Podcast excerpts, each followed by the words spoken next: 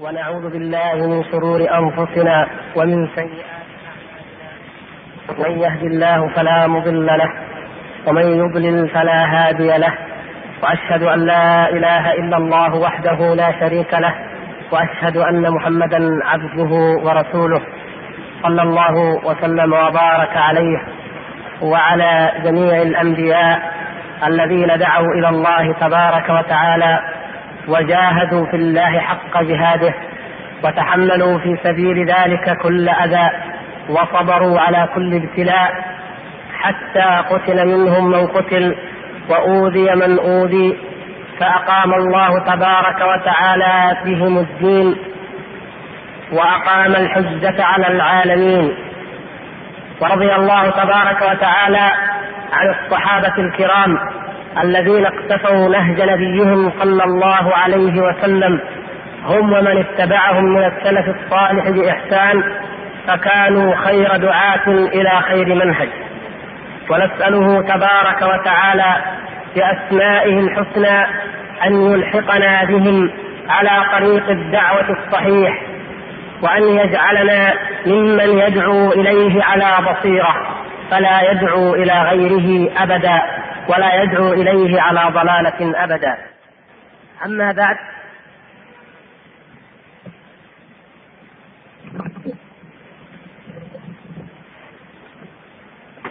أيها الإخوان الكرام موضوع منهج الأنبياء في الدعوة إلى الله تعالى ليس بالموضوع الهين فإنه أمر جلل. والأمة الإسلامية اليوم وهي تشهد صحوة وتوبة وأوبة إلى الله تبارك وتعالى وتشهد في الوقت نفسه مناهج وطرقا مختلفة في الدعوة إلى الله. هي أحوج ما تكون إلى معرفة منهج النبي صلى الله عليه وسلم ومنهج الأنبياء الكرام في الدعوة إلى الله تبارك وتعالى. فليس من منهج يقتدى به في الدعوة ولا في العلم ولا في العمل إلا منهج النبي صلى الله عليه وسلم ومن تبعه من الصحابة الكرام والسلف الصالح. ولا يصلح آخر هذه الأمة ولا يصلح آخر هذه الأمة إلا بما صلح به أولها أولها وبما أصلح أولها. فيجب أن نعي هذه الحقيقة وهذا البرهان الذي بينه الله تبارك وتعالى في كتابه أجلى بيان. وليس في الإمكان أيها الإخوة الكرام أن نستعرض عامة منهج النبي صلى الله عليه وسلم في الدعوة إلى الله فضلا عن سائر الأنبياء صلوات الله وسلامه عليهم أجمعين. ولكننا نأخذ من كتاب الله تبارك وتعالى ما نص الله تبارك وتعالى فيه نصا على غاية الدعوة ومنهجها وما طبقه النبي صلى الله عليه وسلم الذي كان خلقه القرآن والذي عمل بما أنزله الله تبارك وتعالى عليه وبلغه غاية العمل والبلاغ. الله تبارك وتعالى في الذكر الحكيم والقرآن المبين الذي أعجز الجن والإنس أن يأتوا بمثله ولو كان بعضهم لبعض ظهيرا قد ذكر منهج الدعوة وحدده في آية واحدة موجزة. آية واحدة موجزة من كتاب الله فيها منهج الدعوة كاملا غير منقوص لو تأملها كل الدعاة ولو تدبرها كل من يقرأ كتاب الله لما وجدنا هذا الاختلاف والاضطراب في ساحة الدعوة إلى الله تبارك وتعالى. ومن هنا أيها الإخوة الكرام نعرف قيمة القرآن ونعرف قدر القرآن ونعرف مدى تفريطنا في كتاب الله عز وجل. فإذا أردنا الهدى وأردنا الحق وأردنا الخير فهو في كتاب الله وفي سنة رسول الله صلى الله عليه وسلم. فلا نذهب نتخبط في التجارب يمينا وشمالا وكتاب الله بآية واحدة جامعة قد بين لنا كيف ندعو إلى الله تبارك وتعالى. وفي آية أخرى بين لنا أساليب الدعوة وطرائقها. فكأن موضوعنا هذه الليلة في الحقيقة سيتركز على شرح هاتين الآيتين وليس أن الوقت يكفي لنشرحهما أو ليس أننا نستطيع أن نشرح هاتين الآيتين فما بالكم ببقية الآيات والقصص الذي أنزله الله تعالى وقصه علينا في الدعوة إلى الله سبحانه وتعالى. أما هذه الآية الجامعة فهي قول الله تبارك وتعالى في آخر سورة يوسف عليه السلام قل هذه سبيلي أدعو إلى الله على بصيرة أنا ومن اتبعني وسبحان الله وما أنا من المشركين. نعم هذه الآية فيها منهج الدعوة كاملا وفيها غاية الدعوة بل فيها إشارة إلى الأسلوب الأمثل في الدعوة على ما نبينه كما يفتح به الله تبارك وتعالى. وفي الآية وجهان لا بد أن نبينهما قبل أن نشرع في بيان تفصيل الآية لأن المعنى يترتب عليهما. الوجه الأول هي أن تقرأ قل هذه سبيلي أدعو إلى الله. ثم تقول على بصيرة أنا ومن اتبعني وسبحان الله وما أنا من المشركين. والوجه الثاني في قراءتها أن تقرأها قل هذه سبيلي أدعو إلى الله على بصيرة أنا ومن اتبعني وسبحان الله وما أنا من المشركين. ففي كل وجه معنى يختلف عن المعنى الآخر. على ما سنبينه إن شاء الله تعالى. الله تبارك وتعالى أيها الإخوة المؤمنون يقول لنبيه صلى الله عليه وسلم وهو إمام الدعاة وهو الذي دعا إلى ربه تبارك وتعالى خير دعوة وبعث بأعم الرسالات وأكملها. يقول له قل هذه سبيلي. مخاطبا بذلك كل من يصلح له الخطاب. قل للناس جميعا للمؤمنين والكافرين هذه سبيلي هذه سبيلي. والإشارة هنا للتعظيم للفت الأنظار هذه سبيلي طريقتي منهجي هذا شأني وهذا حالي وهذا عملي وهذا ديدني وهذا شغلي الشاغل. ما هو؟ أدعو إلى الله أدعو إلى الله. كان النبي صلى الله عليه وسلم لو وقفنا عند كلمة أدعو كان شأنه صلى الله عليه وسلم في حياته جميعا ماذا؟ الدعوة إلى الله. الجهاد من أجل الدعوة إلى الله. كما قال صلى الله عليه وسلم عن نفسه بعثت بالسيف بين يدي الساعة حتى يعبد الله وحده لا شريك له. الجهاد هو من أجل الدعوة إلى الله. من أجل إعلاء كلمة الله. من قاتل لتكون كلمة الله هي العليا فهو في سبيل الله. وليس هنالك من هدف آخر. وكل هدف يأتي بعد ذلك مشروع فهو تبع لهذا الهدف الأسمى أنه من أجل أن يعبد الله وحده لا شريك له. في أي بلد وفي أي موضع وفي أي وقت الجهاد هو لأن يعبد الله وحده لا شريك له. الذين إن مكناهم في الأرض أقاموا الصلاة وآتوا الزكاة وأمروا بالمعروف ونهوا عن المنكر. هذه قالها الله تبارك وتعالى بعد أن أنزل على نبيه صلى الله عليه وسلم وأصحابه أذن للذين يقاتلون بأنهم ظلموا وإن الله على نصرهم لقدير. فجعل الله تبارك وتعالى الإذن بالجهاد أنزله وجعله مرتبطا بتلك الغاية. وهي أن يقام الدين أن تقام الصلاة أن يؤمر بالمعروف أن ينهى عن المنكر. إذا جهاده صلى الله عليه وسلم هو من أجل الدعوة. حياته صلى الله عليه وسلم مع أصحابه وهو يعلمهم ما أنزل الله تبارك وتعالى عليه من الكتاب والحكمة هي دعوة إلى الله سبحانه وتعالى.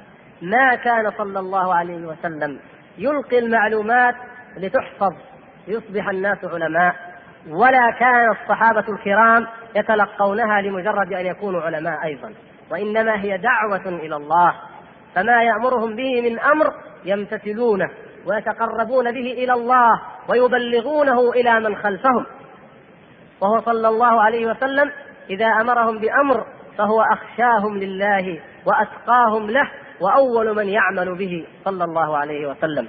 فكله من أجل الله ولذات الله سبحانه وتعالى. حياته صلى الله عليه وسلم مع زوجاته الطيبات الطاهرات دعوة إلى الله سبحانه وتعالى لتتعلم الأمة كيف تعاشر أزواجها. حياته صلى الله عليه وسلم مع أعدائه مع جيرانه مع كل من عاشر هي دعوة إلى الله لنعرف كيف نحارب كما حارب رسول الله صلى الله عليه وسلم. وكيف نحب كما أحب رسول الله صلى الله عليه وسلم؟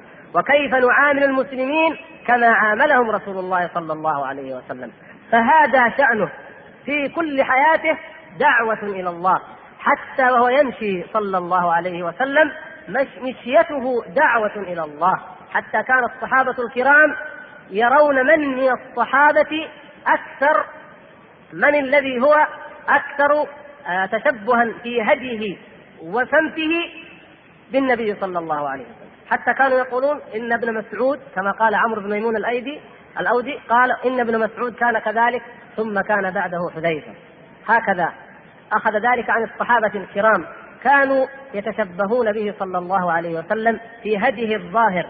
فما بالكم بهديه الباطن وإيمانه القلبي؟ هكذا كانت نظرتهم إليه وهكذا بعثه الله سبحانه وتعالى قدوة قدوة وجعل لنا فيه أسوة. لمن؟ لمن كان يرجو الله واليوم الآخر. فكل مؤمن من أتباعه صلى الله عليه وسلم فهو على حظ من ذلك فليكثر أو يقل. كما سيأتي في بيان قوله تعالى أنا ومن اتبعني. فإذا حياته صلى الله عليه وسلم كلها دعوة. أدعو إلى الله إلى من يدعو رسول الله صلى الله عليه وسلم. إلى الله إلى من دعا أصحاب النبي صلى الله عليه وسلم. إلى الله إلى من دعا السلف الصالح ودعا دعاة الإسلام الذين كانوا على منهج السلف الصالح. إلى من؟ إلى الله. عجيب. وهل هنالك من يدعو إلى غير الله؟ رحم الله الإمام المجدد الشيخ محمد بن عبد الوهاب حين قال تعليقا على هذه الآية لما أوردها في كتاب التوحيد في باب الدعاء إلى شهادة أن لا إله إلا الله قال وفيه في قوله إلى الله تنبيه على الإخلاص أو على ضرورة الإخلاص لأن بعض الناس يكون قائما بالحق أو قائلا بالحق ولكنه يدعو إلى نفسه. عافانا الله وإياكم. وهذا من أخفى الأمراض وأدق الأمراض نسأل الله أن يعافي قلوبنا أجمعين من أمراض القلوب. أن يدعو الإنسان إلى غير الله. وإن ظن أن دعوته هي إلى الله. وإن كان لا يقول إلا قال الله وقال رسول الله صلى الله عليه وسلم. ولكن مرض القلب هذا يأتي فيوهن دعوته ويوهن إيمانه حتى تصبح كلماته مثل الهواء جوفاء. لا معنى لها ولا قيمة لأنها ليست إلى الله وليست خالصة لوجه الله سبحانه وتعالى. الأنبياء صلوات الله وسلامه عليهم جميعا ومنهم النبي صلى الله عليه وسلم ما دعوا إلا إلى الله. ولهذا نجد النبي صلى الله عليه وسلم يكلمه عمه يساومه قومه إن كنت تريد الملك ملكناك. تريد الزوجة زوجناك. تريد المال أعطيناك. ماذا تريد؟ ماذا تريد؟ عرضوا عليه كل شيء. حتى عرضوا عليه أن يعبد أن يعبدوا إلهه سنة ويعبدون ويعبد هو آلهتهم سنة. كل شيء عرضوه على النبي صلى الله عليه وسلم ليصرفوه عن هدفه وهو لا يرضى بذلك مطلقا. وربه سبحانه وتعالى ينزل عليه ذلك. ويأمره أن يظل مستقيما. فلذلك فادع واستقم كما أمرت. وأن لا يقبل المداهنة في دين الله. لا ملك لا جاه لا دنيا لا زوجة لا أي متاع من المتاع الفاني. لماذا؟ لأنه يدعو إلى الله. لو كان يدعو إلى الملك لقبل الملك. لو كان يدعو إلى دنيا أو متاع لأخذها. ولكن حاشاه صلى الله عليه وسلم. وهو الذي بعث كما قال فأنا النذير العريان. النذير العريان كانت العرب في الجاهلية إذا وقع اعتداء على قبيلة إذا داهمها جيش يريد أن يغزوها وأن يستبيح حرمتها أول من يراه من قبيلته يرى الجيش القادم يرقى إلى مكان عال ويشق يمزق ثيابه ويصرخ. فيعرفون أن هذا النذير العريان هو منذر جيش يقول صبحكم ومساكم. يعرفون ذلك. فيفزعون إلى السلاح ويستعدون. النبي صلى الله عليه وسلم هو النذير العريان لما بين يدينا لما أمامنا من أهوال من موت من بعث من حساب من جنة أو نار. أمر عظيم. غفل عنه الناس. كانت كان الأميون بل كان أهل الكتاب غافلين عنه. فأحيا الله تبارك وتعالى القلوب بمحمد صلى الله عليه وسلم. فعرفوا الله وعرفوا الدار الآخرة وعرفوا طريق الجنة من طريق النار. فهذا يقبل أن يساوم على دينه لا يمكن أبدا. واقتفى ذلك أصحابه من بعده. ومن سار على نهجهم من الدعاة إلى الله على بصيرة. فما كانوا يدعون إلا إلى الله. ومن لوازم ذلك التي تبين وتدل هل الدعوة إلى الله أم إلى غير الله. عافانا الله وإياكم من أن يكون عمل عمل من أعمالنا لغير الله. أن تكون الموالاة والمعاداة في الله سبحانه وتعالى. فإذا أحببت رجلا لأنه أطاع الله وعبد الله من أي بلد كان ومن أي لون كان وعلى أي يد أي إنسان كان اهتدى وعرف الله فأنت تدعو إلى الله بإذن الله.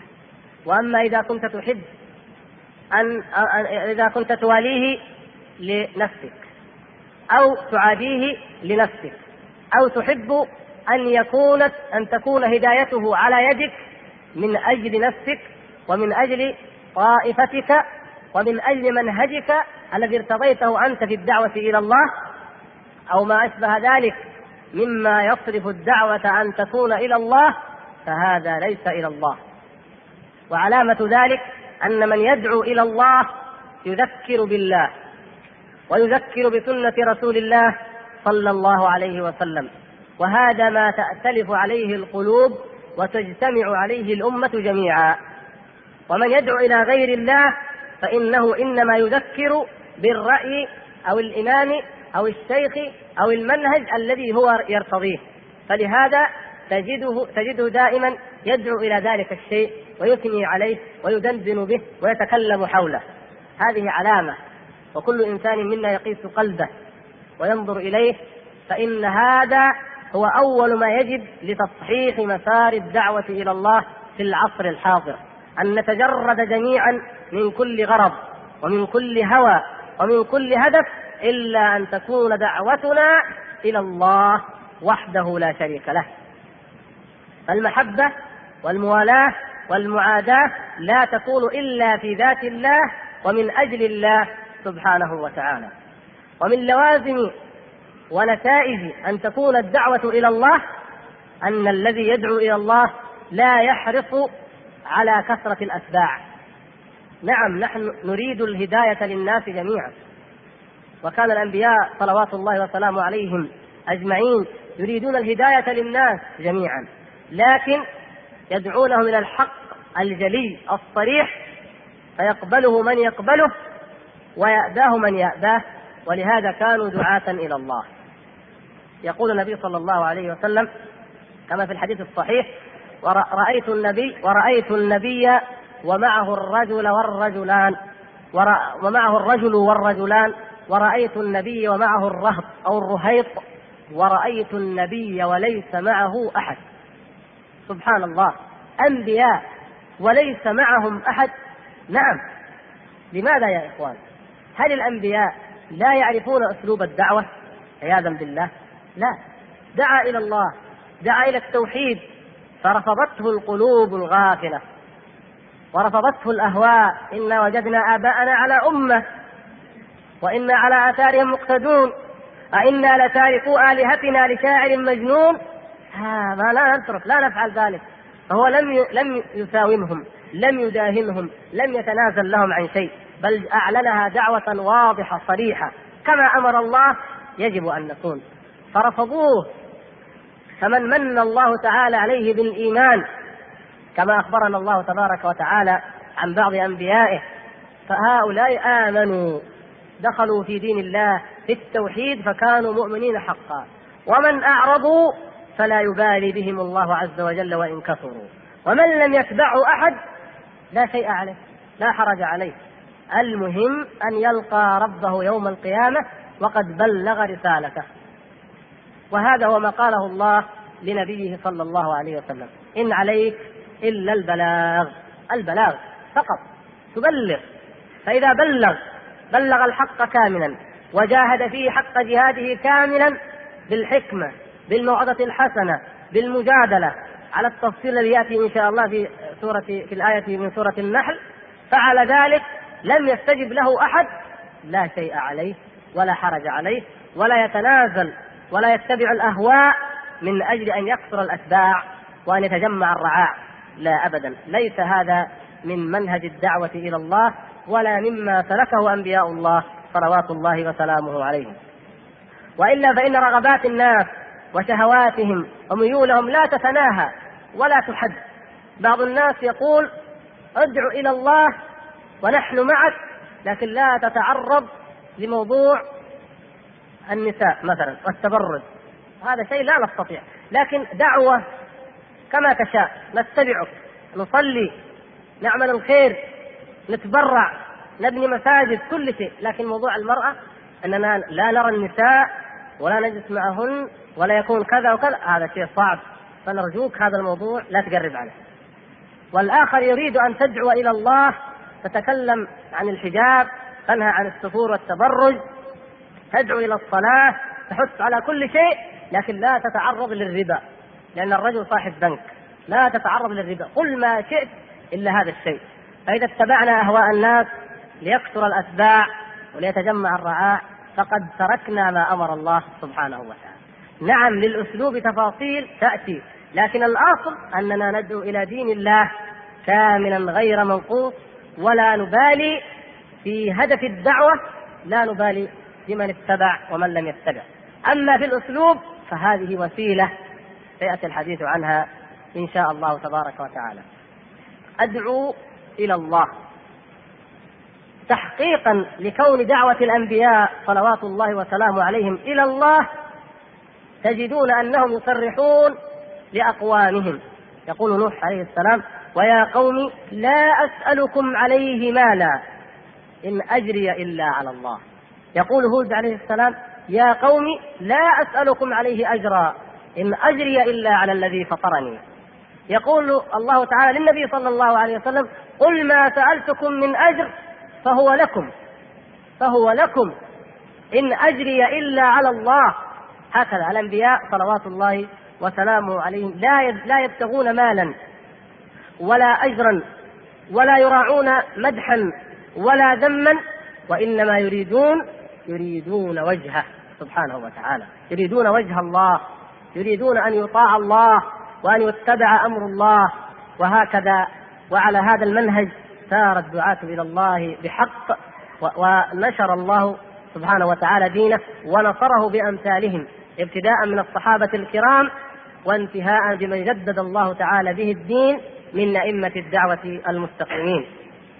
ليس هنالك من طلب لعرض من أعراض الدنيا الفانية. أما بعض الدعاة مع الأسف بعض الدعاة لو عرض عليه منصب لترك الدعوة إلى الله عافانا الله وإياكم. لو عرض عليه مرتب ضخم لترك الدعوة إلى الله.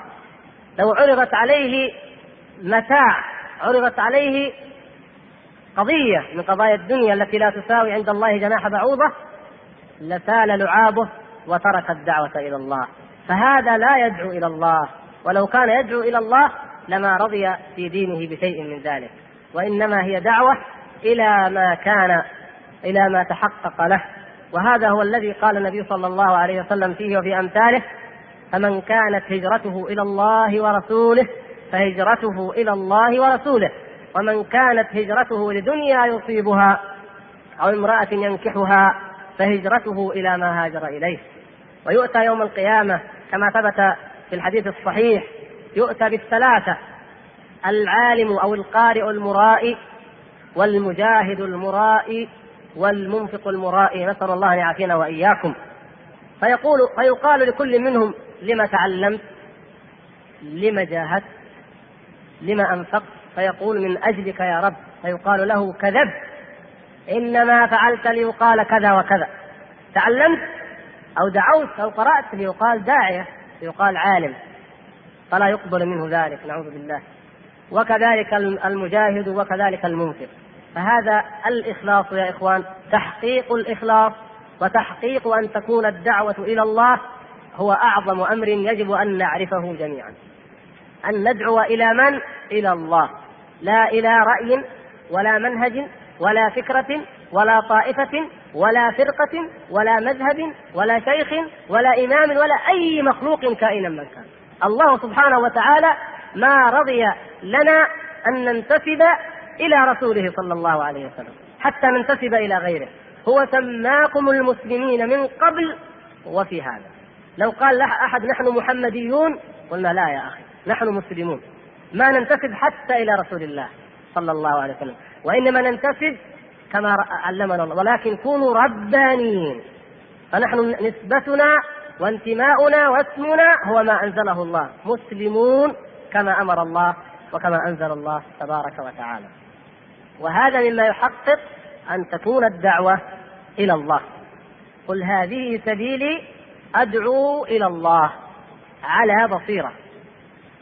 إن قلنا بالوجه الأول أدعو إلى الله على بصيرة فيكون المعنى أو الوجه الأول قلنا أدعو إلى الله ويقف ونقف. هذا الوجه الأول يكفي.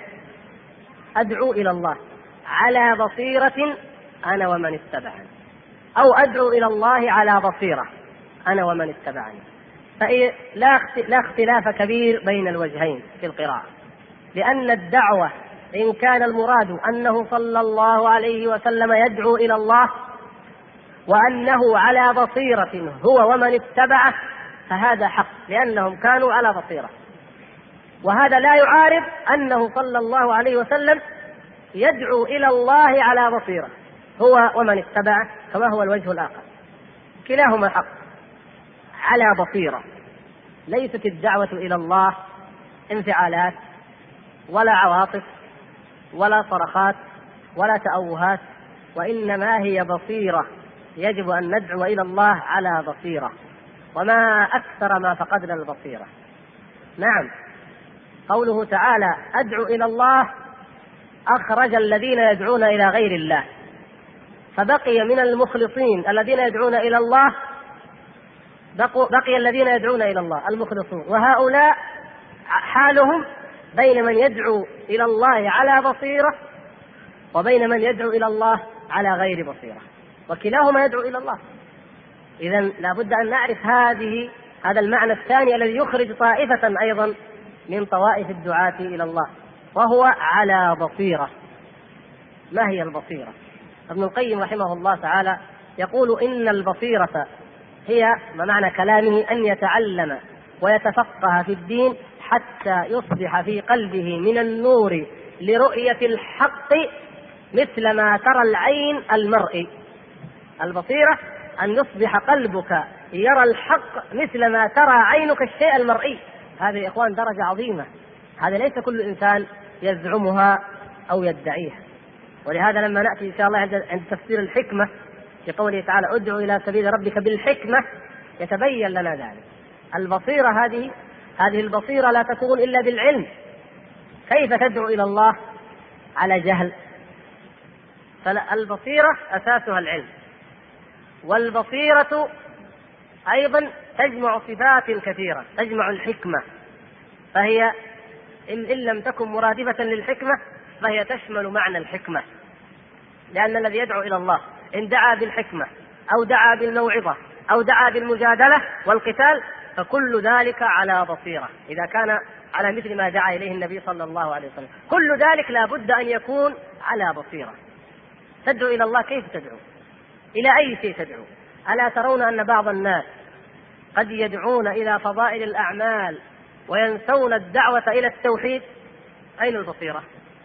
ألا ترى أن بعض الناس قد يدعو رجلا قريبا من الخير فينفره فيبتعد عن الخير بالمرة؟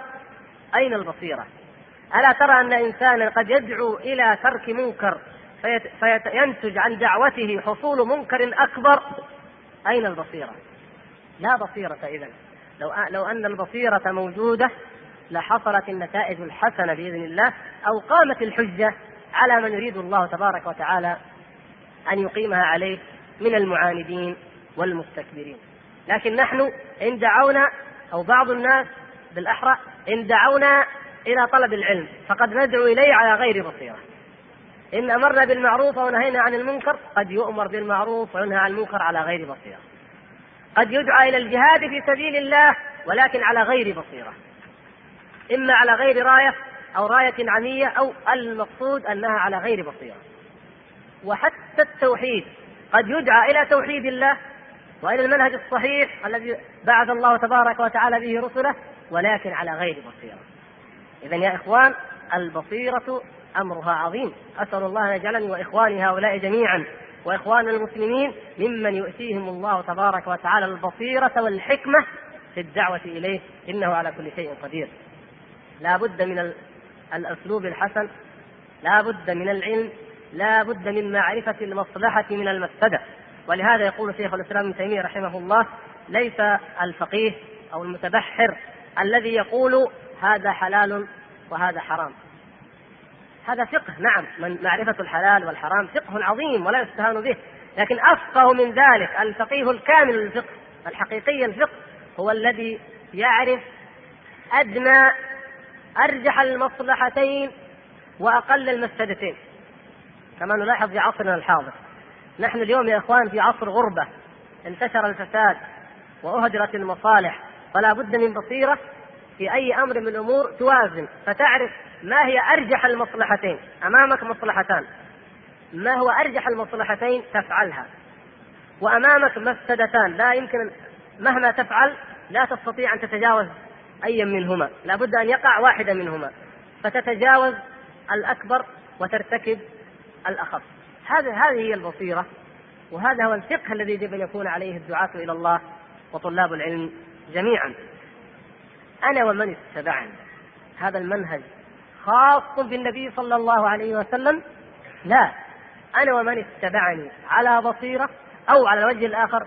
أنا ومن اتبعني ندعو إلى الله على بصيرة. نعم فهذا أمر الله. ونحن أتباع رسول الله صلى الله عليه وسلم. لا بد أن ندعو إليه على بصيرة. فإذا إذا دعا داع على غير دعا إلى غير الله أو دعا على غير بصيرة من الله فهذا ليس متبعا لرسول الله صلى الله عليه وسلم. هذا كلام الله. أنا ومن اتبعني إن كنت من أتباعه جعلني الله وإياكم جميعا من أتباعه صلى الله عليه وسلم فلا بد أن نقتفي أثره بالدعوة إلى الله وبأن تكون دعوتنا على بصيرة أو بأن نكون على بصيرة من أمرنا. في آه، تعلم كتاب ربنا وسنة رسولنا صلى الله عليه وسلم والتفقه في الدين والصبر واليقين. الله سبحانه وتعالى جعل هاتين الصفتين جعل في أتباع الأنبياء الذين يدعون إلى الله صفتين إذا تحققتا كانت لهما الإمامة في الدين. يقول الله تعالى وجعلنا منهم أئمة يهدون بأمرنا لما صبروا وكانوا بآياتنا يوقنون. صبر ويقين. بهاتين الصفتين تتحقق الإمامة في الدين ويتحقق اتباع المرسلين صلوات الله وسلامه عليهم أجمعين. فهم كانوا الغاية في الصبر وكانوا الغاية في اليقين. ولا وقت يتسع لعرض نماذج من ذلك من سير الأنبياء صلوات الله وسلامه عليهم أجمعين. أو من سيرته صلى الله عليه وسلم. وحسبكم أن تعلموا أنه صلى الله عليه وسلم لم يفارقه الصبر ولم يفارقه اليقين في كل المواقف الصعبة التي مرت به. لا وهو طريد في الغار هارب في الغار وفي الهجرة. أثناء الهجرة يبشر سراقة بن مالك بسواري كسرى. ولا وهو يحفر الخندق والخوف يحيط به من كل ناحية. صبر ويقين يضرب بالفأس ويقول الله أكبر الله أكبر ويبشر أصحابه بملك كسرى وقيصر. لم يفارقه اليقين والصبر صلى الله عليه وسلم. وكان أصحابه مثلا للحواريين الذين هم خير حواريين جعلهم الله سبحانه وتعالى لخير نبي. في ذلك في اليقين وفي الصبر. فإذا أنا ومن اتبعني بهذا اليقين وبهذا الصبر وبالاتباع تحصل أو نكون على المنهج الصحيح في الدعوة إلى الله تبارك وتعالى.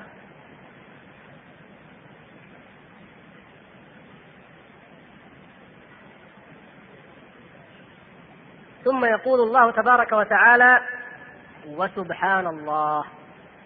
سبحان الله. نعم. كلنا أيها الإخوة الكرام نقول سبحان الله. إما بعد الصلاة وإما نافلة هي من أفضل الذكر. من الكلمات التي هي خير الكلمات وأفضلها بعد القرآن وهي من القرآن. سبحان الله والحمد لله ولا إله إلا الله والله أكبر. سبحان الله.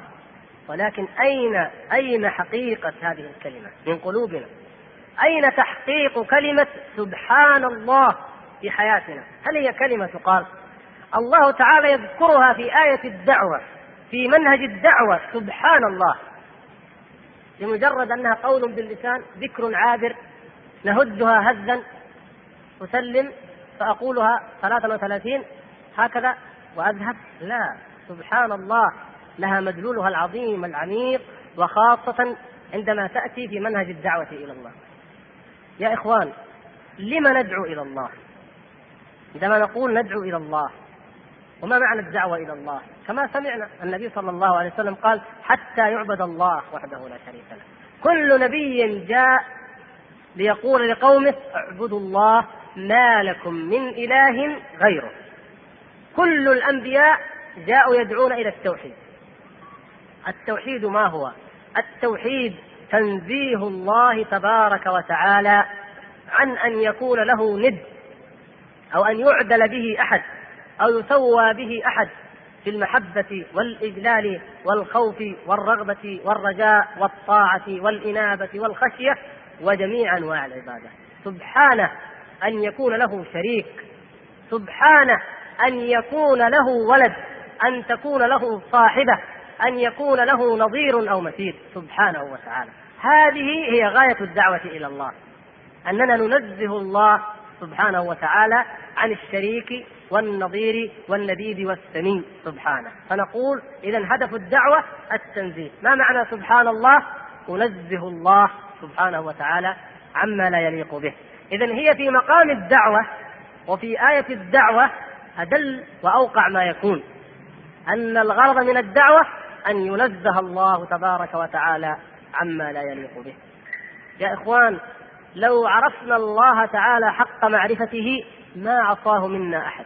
أبدا لكن لما لم نقدر الله حق قدره ولم نعرف الله حق معرفته وقعت هذه المعاصي وهذه الذنوب وهذه المخالفات التي ضجت منها الأرض والسماوات ولا حول ولا قوة إلا بالله العلي العظيم. أين تنزيه الله؟ كم من الناس يشرك بالله يدعو غير الله كم من الناس ينبذ كتاب الله وراء ظهره ويتحاكم إلى القوانين البشرية إلى الطواغيت التي وضعها طواغيت من البشر. كم من الناس رفضوا سنة محمد صلى الله عليه وسلم واتبعوا آراء الرجال كائنا من كانوا. كم وكم؟ كم من الناس يعصون الله تبارك وتعالى جهارا نهارا على علم ومعرفة بأن هذا حرام؟ هل هؤلاء نزهوا الله؟ هل سبحوا الله؟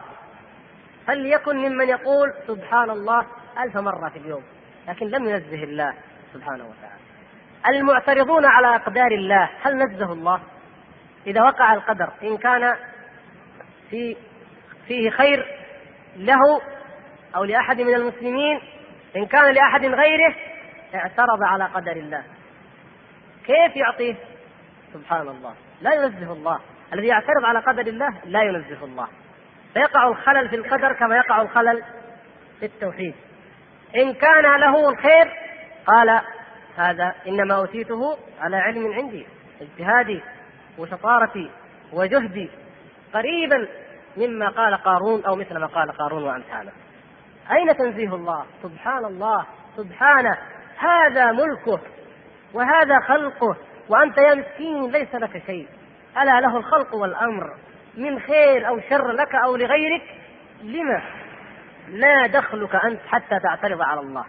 إذا ما قدر الله حق قدره وما نزه الله كل هؤلاء. ولهذا يقول الله تبارك وتعالى سبحان الله عما يصفون إلا إلا من؟ إلا عباد الله المخلصين. نعم. عباد الله المخلصون المصطفون الأخيار هؤلاء ينزهون الله وأما ما يصفه به غيرهم فليس فيه تنزيه لله على الحقيقة. ينزه الله عباده المخلصون الذين يرتضون حكمه الشرعي ولا يخالفونه يرتضون حكمه القدري ويصبرون عليه إن كان شرا وإن كان خيرا. حمدوا الله وأثنوا عليه وردوا الأمر والفضل كله إلى من؟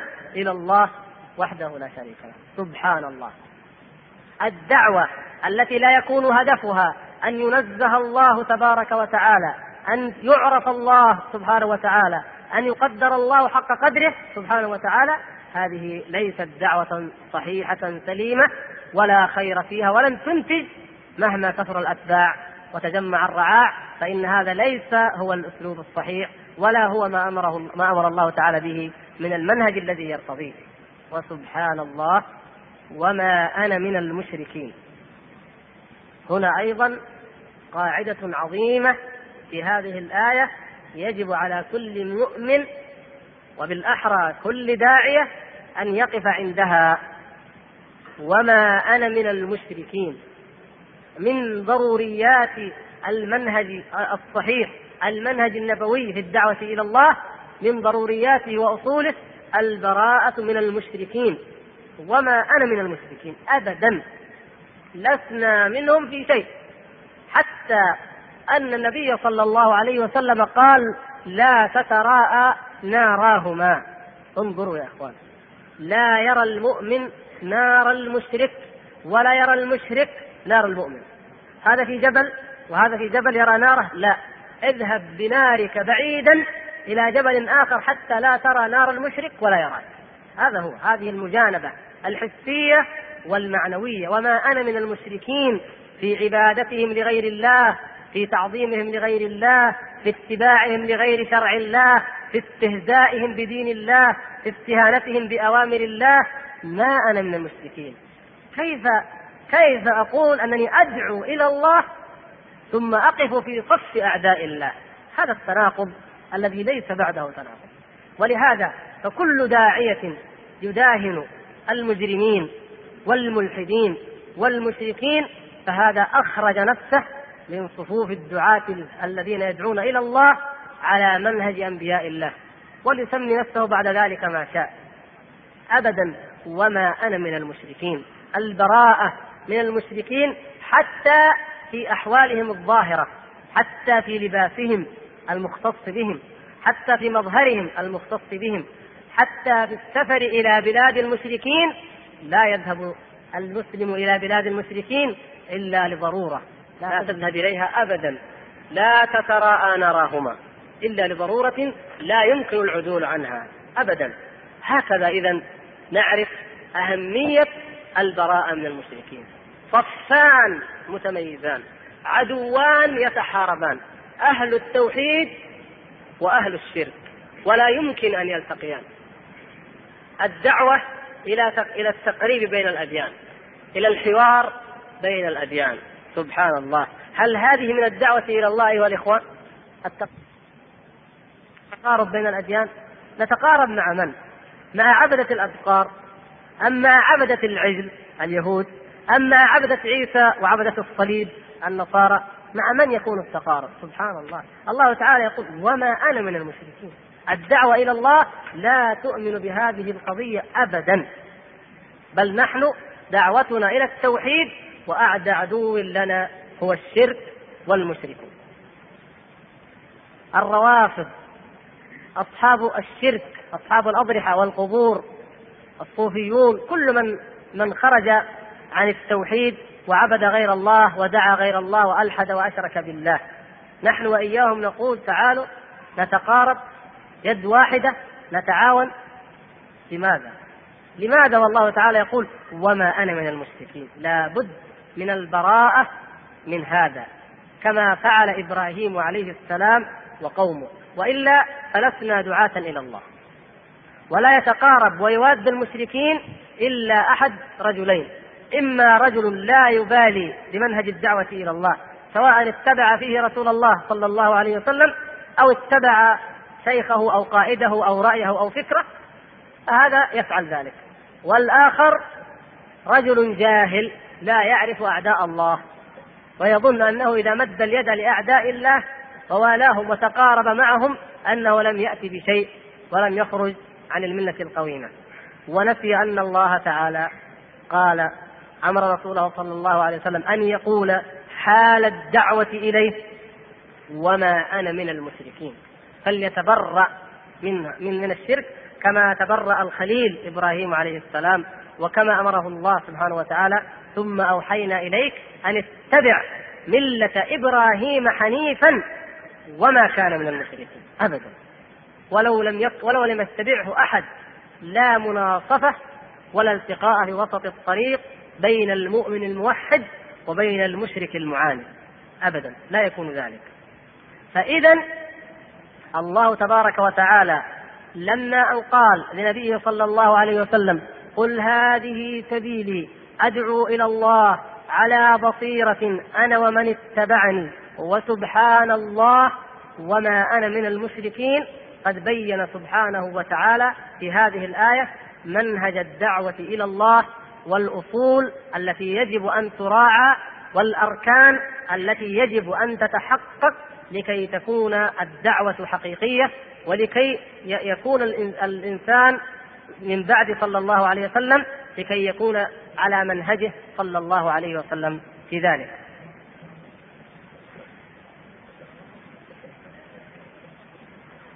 ثم الآية الأخرى التي قلنا إنها تكمل ذلك وفي منهج الدعوة لكن فيما يتعلق بالأسلوب المتخذ للدعوة هي قوله تبارك وتعالى في آخر سورة النحل أدع إلى سبيل ربك بالحكمة والموعظة الحسنة وجادلهم بالتي هي أحسن. فالله تبارك وتعالى أمره هناك أن يقول قل هذه سبيلي. أن يبين للناس ما هي سبيله ما هي طريقته ما شأنه ما أمره في في في خصومته مع البشر هؤلاء. وهنا يأمره الله سبحانه وتعالى أن يدعو إليه. ادعو إلى سبيل ربك. لاحظوا يا إخوان في المنهج وفي الأسلوب لا يتغير الهدف. الهدف هو الإخلاص أن يكون الأمر لله. أدعو إلى الله وهنا أدعو إلى سبيل ربك. لكن لأن لأن الكلام هنا عن الأسلوب فجاء السبيل هو الطريقة التي يسلكها الداعية الذي نحن نعبر عنه بكلمة الأسلوب. نقول أسلوب الدعوة السبيل. فأمر أن يدعو إلى سبيل ربه سبحانه وتعالى أن يدعو إليه بماذا؟ بالحكمة. الناس أيها الإخوة بالنسبة إلى الحق وإلى اتباعه على ثلاثة أصناف. الصنف الأول صنف مؤمن راغب في الحق يريده يحبه يضحي من أجله يجاهد في سبيله. فهؤلاء الذين أمرنا الله سبحانه وتعالى أو أمر رسوله صلى الله عليه وسلم أن يصبر نفسه معهم. واصبر نفسك مع الذين يدعون ربهم بالغداة والعشي يريدون وجهه. هؤلاء هم الذين كان منهم الصحابة الكرام. وكان منهم حتى في زمن نوح عليه السلام من آمن به فجاءه قومه وقالوا ما نراك اتبعك إلا الذين هم أراذلنا بادي الرأي. وأصروا عليه أن يطردهم. وقال وما أنا بطارد الذين آمنوا لماذا أطردهم؟ هؤلاء هم الصنف الأول. وهؤلاء أمرنا أمر الله سبحانه وتعالى أو أرشد إلى أن نتخذ معهم في الدعوة الحكمة. هذا الإنسان هو في يدك تربيه تدعوه هو مستسلم مذعن للحق. فالحكمة تكون في تربيته في تربيته ليأخذ الحق. كما قال عبد الله بن عباس رضي الله تعالى عنه وغيره من السلف في قوله تعالى ولكن كونوا ربانيين قال الربانيون أو الرباني هو الذي يعلم الناس صغار العلم قبل كباره. ابنك زوجتك إنسان تلميذك ناس مقبلون يحبون الخير يرغبون فيه لا بد أن تدعو إليهم بالحكمة. هذا هو الرفق القوة معا الزجر والترغيب. الترغيب والترهيب. وهكذا. حكمة. كلمة الحكمة أعظم وأشمل من أن تحصر. ولهذا كما يقول علام ابن القيم رحمه الله يقول الحكمة لم لم توصف بأنها حسنة. لأنها حسنة. لو لم تكن حسنة ما سميت حكمة. فإذا قلنا حكمة هي في الأصل حسنة. حتى في كلام العرب. إذا قالوا هذا شيء محكم لا عيب فيه. أحكمت الشيء يعني وضعته في الوضع الصحيح. بلا عيب. كما قال الله تعالى في حق القرآن العظيم كتاب أحكمت آياته. فالإحكام هو هذا. حتى أن العرب تسمي الحكمة الشيء الذي تجعله في اللجام لتزجر ولتضبط به الداب. فالحكمة إذا التي أمر الله سبحانه وتعالى بها هذه الدرجة الأولى. ادعو إلى سبيل ربك بإيش؟ أول درجة بالحكمة. الأتباع الراغبون في الخير المحبون للحق تكون دعوتنا لهم بالحكمة. بصغار العلم قبل كباره بالقدوة القدوة التي يرونها. كما كان النبي صلى الله عليه وسلم لما سئلت أم المؤمنين عن خلقه قالت كان خلقه القرآن. أتباعه أحبابه المؤمنون به يرون خلق النبي صلى الله عليه وسلم يرون القرآن متمثلا فيها فيحبونه صلى الله عليه وسلم. فكان صلى الله عليه وسلم يزكيهم ويربيهم ويسوسهم بأفضل وأرقى أنواع التعليم والتربية والتزكية والسياسة حتى يستقيموا على أمر الله وعلى دين الله. لا تقول هذا راغب هذا محب للحق. تعال أمر كذا وأمر كذا وافعل افعل افعل. وهذا حرام ونه ونه ونه. نواهي وأوامر هكذا وتطلقه يتخبط. لا ليست هذه من الحكمة. وإن كان راغبا وإن كان محبا وإن كان طالبا للحق لكن لا بد معه من الحكمة. ثم يعرض للناس الغفلة. إما غفلة أصلية غفلة لازمة كغفلة المنافقين عافانا الله وإياكم. غافلون عن ذكر الله. لا يريدون الله ولا رسوله ولا الدار الآخرة نعوذ بالله. وإما الغفلة التي تعرض للمؤمنين نتيجة الشهوات نتيجة حب الدنيا نتيجة إغواء الشيطان وأمثال ذلك. فما هو علاج هذا النوع الذي تعتريه الغفلة؟ الموعظة الحسنة. ادعو إلى سبيل ربك بالحكمة والموعظة الحسنة. هذا الغافل علاجه الموعظة. نعم. فاتح الدكان والصلاة لتقام. يا أخي جزاك الله خير. الصلاة أستغفر الله جزاك الله خير. تذكر. تذكروا فإذا هم مبصرون. هذا الإنسان يحب الخير ويحب الحق وراغب فيه لكنه في غفلة في غفلة عنه. ما هو جاهل لكن غافل. حب الدنيا تجي تقول يا أخي اتق الله. أنا أراك أصبحت تتهاون في بعض الأوامر تخالف السنة في أي شكل من أشكال الموعظة. أعظه بأي شكل من أشكال الكلام أتكلم معه؟ لا. بالموعظة الحسنة. لاحظوا الموعظة قيدت بأنها الحسنة. أما الحكمة لا لم تقيد لأنه إذا كان التصرف غير سليم فليس من الحكمة أصلا. لكن المواعظ نوعين موعظة حسنة وموعظة غير حسنة. قد تقف وتقول قال الله وقال رسول الله وتقول للإنسان هذا الكلام ولكن هذا الكلام في غير موضعه الصحيح. فتكون موعظة ولكنها غير حسنة. ما ليست بالمنهج وبالأسلوب الذي أمر الله تبارك وتعالى به. إذا لا بد من الحكمة مع من يستحق الحكمة. ولا بد للغافل من الموعظة. حتى قال الله تعالى في حق المنافقين وعظهم وقل لهم في أنفسهم قولا بليغا. هذا من الموعظة التي يكون لها وقع وتأثير في النفوس حتى تنزجر لأنها نفوس مريضة أو ضعيفة الإيمان.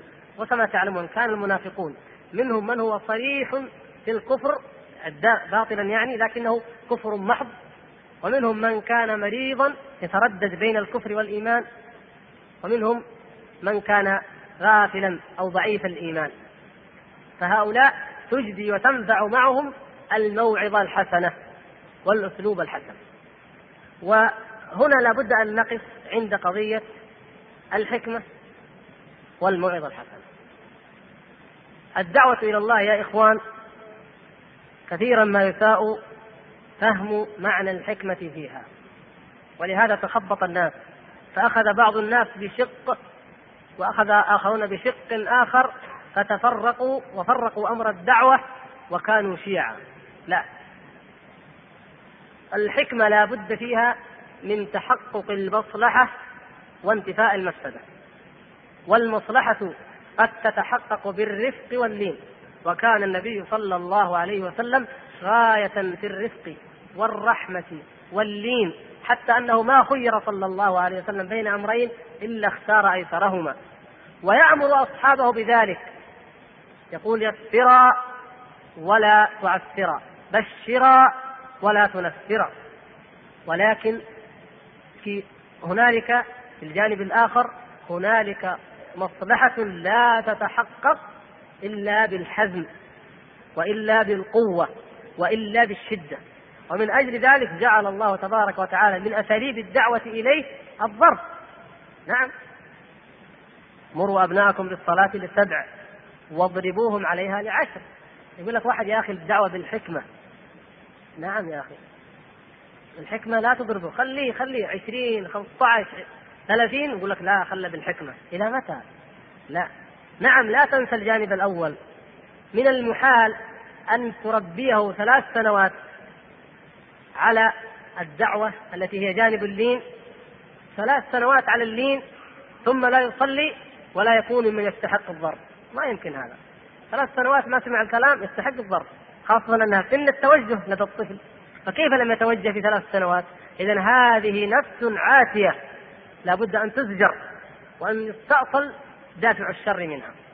أما أما إنسان ينسى جانب اللين بالمرة والرفق والحكمة والموعظة نهائيا حتى يكبر الإبن ثم يأتي يضربه رأسا هنا الخطأ ليس من أنه استخدم الضرب يا إخوان. الضرب أسلوب أقره النبي صلى الله عليه وسلم وأمر به. الخطأ أنه استخدم جانبا فقط من جوانب الأسلوب الحسن من جوانب الحكمة. بعض الناس إذا ضرب يصلي الحمد لله لأنه جانب من الحق وبعض الناس يكفيه من الحق جانب وبعض الناس إذا أمر وذكر صلى والحمد لله لأن بعض الناس يكفيه جانب من الحق. لكن ليس كل الناس هكذا. بعض الناس لا بد من الأمرين معا. الموعظة أولا والتوجيه فإذا لم يستجب فالضرب. إنسان إنسان تقول له يا أخي الصلاة أذن المؤذن. تعال إلى الصلاة. يستجيب لك. ينبغي أن تكون رقيقا رفيقا. المرة الثانية والثالثة والعاشرة والرجل لا يبالي لا بأذان ولا إقامة ولا صلاة. حينئذ إذا استخدت معه الشدة يقال هذا ما عنده أسلوب. كما يقال مثلا للهيئة. ما عندهم أسلوب. ليش يا أخي؟ قال سحبوا من الدكان. سبحان الله. الصلاة كل إنسان يعرف أنها واجبة. والمؤذن يؤذن. والمسجد يمتلئ. وجيرانه يقفلون. وقاعد بالدكان مرات ورا مرة. فإذا جاء واحد يمسك قال يا أخي وين الرفق؟ فين أسلوب الدعوة الصحيح؟ لا. أسلوب الدعوة الصحيح لهذا لا بد أن يردع وليس فقط مجرد التعهد. هذا هذا أضعف مما شرع الله سبحانه وتعالى. ليس هناك بعد التوحيد أعظم من الصلاة. فإذا استهين بها بهذا الشكل المجاهد فأسلوب الدعوة والحكمة في الدعوة أن يردع ردعا زاجرا يرتدع به كل من سمع ذلك. أما تجي على إنسان مثل هذا تترفق وتشرح له وتبين له العشرات من الناس سيكونون هكذا. وكل واحد يفتح محله ويبغاك تديله محاضرة عن أهمية الصلاة. سبحان الله. واحد يشك في هذا؟ إذا لا يمكن. ليس هذا من الحكمة أبدا. وكذلك الزوجة. فعظوهن واهجروهن في المضاجع واضربوهن. هذا من الحكمة ولا ما من الحكمة؟ من الحكمة مما أنزل الله من الحكمة سبحانه وتعالى. إذا لابد أن نعرف أن الحكمة هي تحقيق المصلحة والتزكية والتربية بالأسلوب بالقوة وباللين غاية القوة مع غاية الرحمة. هذه ميزتنا. الجهاد في سبيل الله يا إخوان. انظروا إلى ما هو أعظم من ذلك. الجهاد غاية القوة أقوى أمة في الجهاد وأشجع من حارب ومن حمل السيف هم رسول الله صلى الله عليه وسلم وأصحابه. أقوى وأشجع الناس. لكن أرحم الناس. لا تقتلوا المرأة ولا الرجل الكبير ولا الصغير ولا أصحاب الصوامع ولا تحرقوا نخل ولا نخلا ولا تمثلوا ولا كذا ولا سبحان الله. رحمة. غاية القوة مع غاية الرحمة. فليست الدعوة مجرد جانب واحد بل لا بد من الجانبين. وإن انتجت الدعوة نتيجة استخدام جانب واحد فهو لأنه جانب من الحق وليس لأنه الحق كله. يجيك واحد يقول يا أخي أنا جربت. لقيت أسلوب اللين ممتاز تمام. واستجاب لعدد كبير. نقول نعم لأنك على جانب من الحق. والآخر يقول والله ما في زي الحسم زي القوة. لما قلت له هذا حرام هذا شرك خاف واتبع الحق. ما في زي كذا. نقول أيضا لأن هذا جانب من الحق. أصبت أنت في هذا الجانب وهذا في هذا الجانب. لكن لو جمعتما الجانبين لكانت النتائج أكبر وأعظم. ولهذا أنت يا هذا وأنت يا هذا انظر إلى من خالفك. انظر إلى من نفرت أو انظر إلى من لم يأتي ويتبعك. لماذا؟ لأنك لم تنتهج المنهج الذي أمر الله تعالى به والذي كان عليه رسول الله صلى الله عليه وسلم.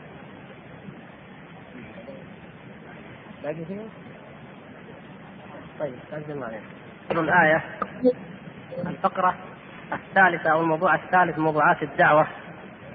من أساليب الدعوة الذي قد يستغرق منا أيضا دقائق هو قوله تعالى وجادلهم بالتي هي أحسن. وجادلهم بالتي هي أحسن. الأول المقبل المؤمن الراغب المقتنع بالحق والثاني الغافل الذي يذكر بالحق له ما ثالث وهو ذلك المعاند المحاجز المعرض. فهذا ما هو الشأن معه؟ ما هو الأسلوب الأمثل في الدعوة؟ هو وجادلهم بالتي هي أحسن. سبحان الله. لم يقل بالجدل الحسن ولا بالمجادلة الحسنة. بالتي هي أحسن. الحكمة جاءت مجردة من أي وصف. الموعظة جاءت موصوفة بأنها حسنة. الجدال جاء موصوفا بماذا؟ بالتي هي أحسن. إذا هناك عبرة هناك دقائق. لابد أن نتدبر كلام الله وأن نتفطن فليس منه لفظة أو كلمة إلا ولها مدلول. بالتي هي أحسن. لأن الجدال يا إخوان الأصل الأصل أن الجدال لا يؤدي إلى ثمرات الدعوة. كيف هذا؟ نعم. الأصل في الجدال كجدال أنه لا يكون إلا بين متخاصمين متنافرين لا يقبل أحدهما من الآخر. فلهذا يكون بالتي هي أحسن. ليس بالحسنة بل بالتي هي أحسن. يعني اختر أمثل الطرق وأفضل الطرق في الجدال. وليس الطريق الحسن وليس الطريق الصواب فقط.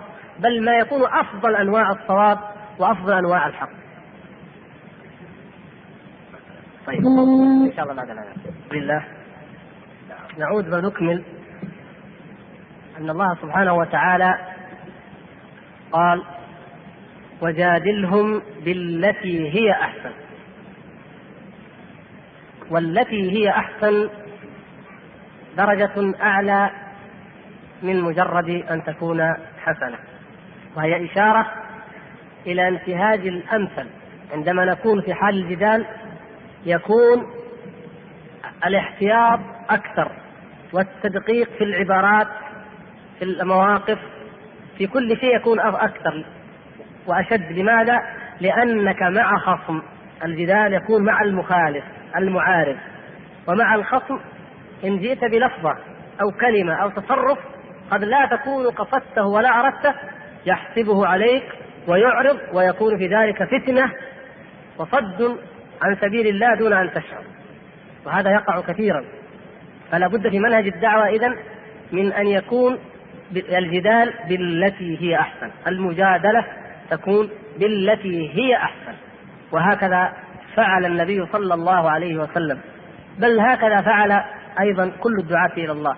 والقرآن كله في الحقيقة من أوله إلى آخره عندما يقص شأن المشركين ودعوتهم ويرد شبهاتهم فهو من المجادلة بالتي هي أحسن. تجد أنه يحاججهم يبين لهم حقارة آلهتهم أنها لا تنفع ولا تضر ولا تغني وأنها لا لا تقربهم إلى الله سبحانه وتعالى وأنهم إن فعلوا ذلك فإن مصيرهم إلى النار. يذكرهم بما جرى للأمم التي قبلهم لما كفرت. ولما عصت الله لما سلط الله تبارك وتعالى عليها العذاب يذكرهم بنصره لعباده ولأنبيائه ولأوليائه الماضين ليعتبر هؤلاء المخاطبون. كل ذلك من نوع المجادلة بالتي هي أحسن. وما من شبهة كما قال حبر الأمة عبد الله بن عباس رضي الله تعالى عنه ما من شبهة يأتي بها مبتدع أو زائر أو ذو شبهة؟ إلى أن تقوم الساعة إلا وجوابها في القرآن. علمه من علمه وجهله من وجهلها من جهلها أبدا. الجواب جوابها في كتاب الله سبحانه وتعالى. ولهذا أفضل أنواع المجادلة المجادلة بالأسلوب القرآني في الدعوة إلى الله سبحانه وتعالى. والجدال في أصله كما قلنا الجدال في أصله ليس المقصود به أن تجذب الناس إلى الحق وإلى الخير. لاحظوا هذا يا إخوان فكثيرا ما نخطئ. الجدال المقصود بالجدال في الأصل إقامة الحجة على المعاند وليس جلبه أو جذبه إلى الدعوة. ولهذا هذا صاحب المرحلة الثالثة. لو كان ممن نريد أن نجذبه إلى الحق والخير لكان حالنا معه هو الوعظ الموعظة الحسنة. تكفي. لكن هذا المعارض المخالف المصر الجاحد حالنا معه. نتركه؟ لا. لكن أن نقيم عليه الحجة. ولا نيأس من أن الله سبحانه وتعالى قد يهدي ويستجيب. ولهذا يكون بالتي هي أحسن طمعا لعل الله سبحانه وتعالى يهديه. لكن مع ذلك لا نطمع أنفسنا أو لا يغلب بنا لا يزيد بنا الطمع فنجعله منهجا للدعوة. فإذا قابلت إنسان وجادلته وحاججته فاعرف أنك قد هدمت ما بينك وبينه من جسور. غاية ما في الأمر إن كنت موفقا في الدعوة أنك أقمت عليه الحجة. هذا غاية ما في الأمر. إن حصل غير ذلك فاحمد الله لأن هذا من فضل الله ولا هو بخلاف الأصل وإلا فالرجل هذا هو, هو ممن يستحق الموعظة وأنت جئته بالجدال ولكن الله فتح عليه فاستجاب واهتدى. أما لو أنه ممن هو فعلا وحقا لا ينفع معه الوعظ فهذا في الحقيقة لا يكون الجدال إلا إقامة للحجة. ولهذا انظروا إلى النبي صلى الله عليه وسلم. هل بعث رسول الله صلى الله عليه وسلم أصحابه الدعاة إلى ملوك الأرض ليجادلوهم؟ هذه قاعدة يا إخوان. كثير من الناس اليوم يقرؤون في الكتب ويتفقهون في بعض الأمور وينتهجون مناهج في الدعوة ويقول لماذا قال حتى نجادل أولئك الناس حتى نجادل الملحدين حتى نجادل اليهود حتى نجادل النصارى وهذا هو المنهج الذي يريده في الدعوة إلى الله. لا يا أخي ليس هذا هو المنهج. منهجنا في الدعوة أن نعرض الحق. النبي صلى الله عليه وسلم كتب إلى ملوك الأرض بما تعلمون. بالآيات البينات وأرسل رسله مبلغين عنه صلى الله عليه وسلم بأن الله قد بعث رسولا والرسول هذا كتب لي هذه الرسالة وهذه هي. ما في جدال ما في نقاش. فإن قرأها وآمن الحمد لله.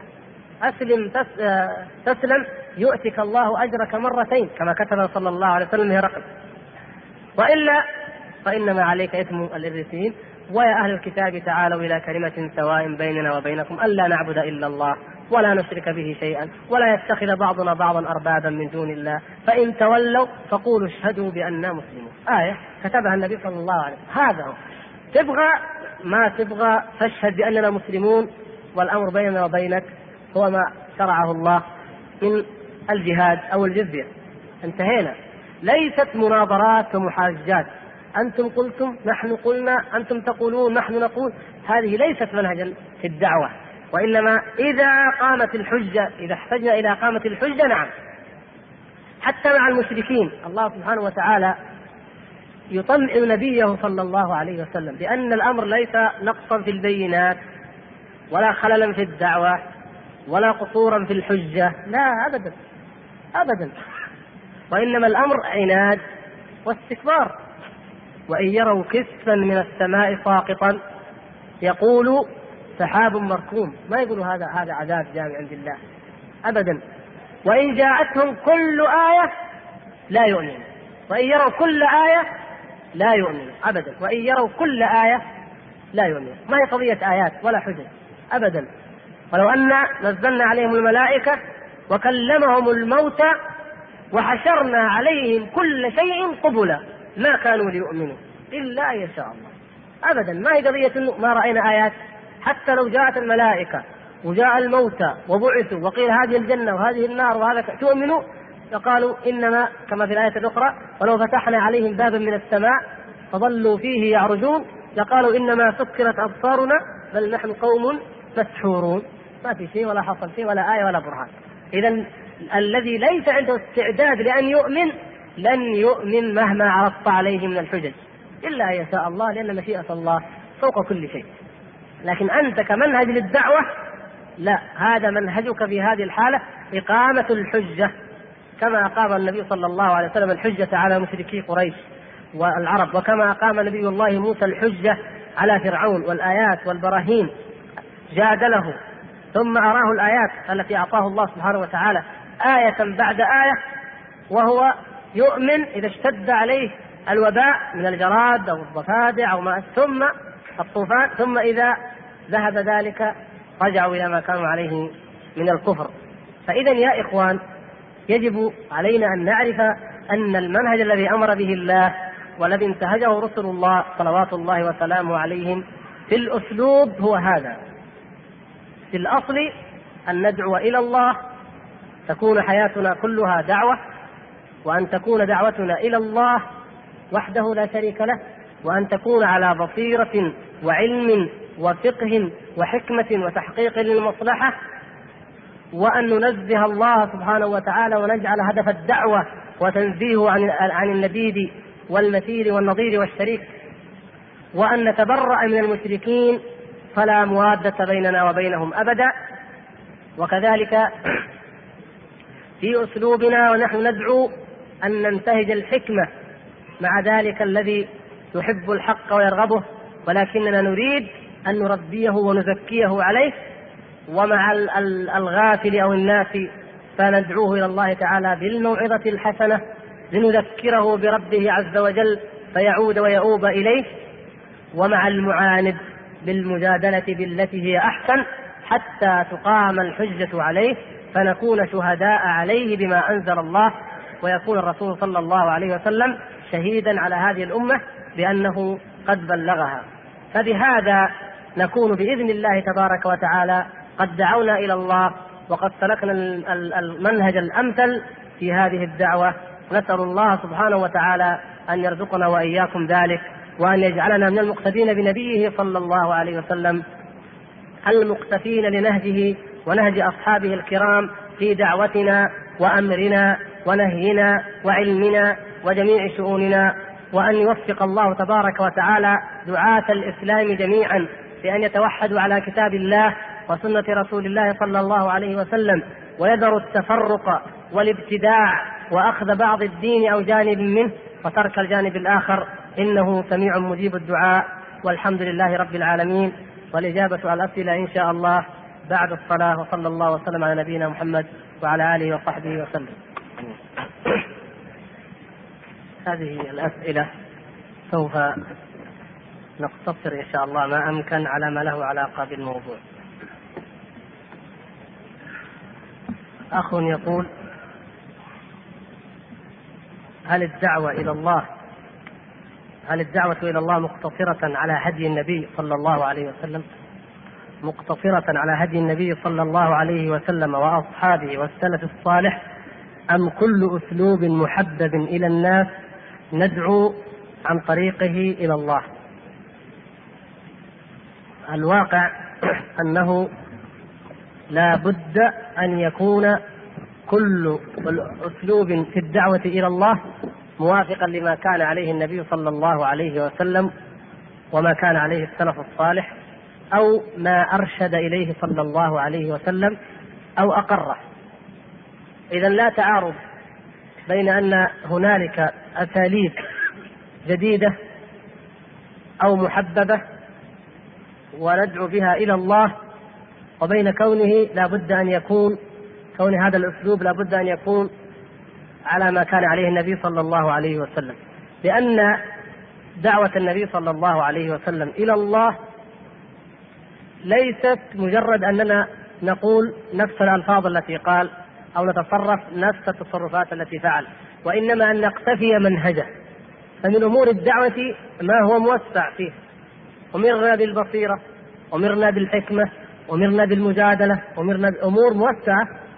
فالوقائع لا تنتهي يا إخوان والزمان يتغير والأحوال تختلف. ولكن في حدود ذلك المنهج المرسوم لا نتعداه ولا نخرج عنه نجدد ولكن في حدوده ونغير ولكن في حدوده وفي إطاره فلا نخرج عن ذلك أبدا. فإذا جاء إنسان بمنهج فيه بدعة قلنا له هذا المنهج مخالف لمنهج النبي صلى الله عليه وسلم لما فيه من البدعة لا لأن فيه أسلوبا لم يكن في عهد النبي صلى الله عليه وسلم كأن يكون هناك أدوات للإعلام تختلف عما كانت عليه في زمن النبي صلى الله عليه وسلم من صحافة أو إذاعة مثلا كأن يكون هناك نوع من تجمع الناس يختلف عما كان عليه في زمن النبي صلى الله عليه وسلم. هذه الأمور التي هي تبع للأزمان ولاختلافها هي تدور مع المصالح ولهذا يسميها العلماء المصالح المرسلة. أما الصميم والهدف حتى في الأسلوب أيضا نفس الأساسيات فلا خروج عما جاء به النبي صلى الله عليه وسلم بحال من الأحوال. وليس تحبيب الناس هو الهدف وإنما الهدف هو أن يقبلوا على الحق سواء كان هذا بطريق يحبها الناس أم فيها بعض المشقة.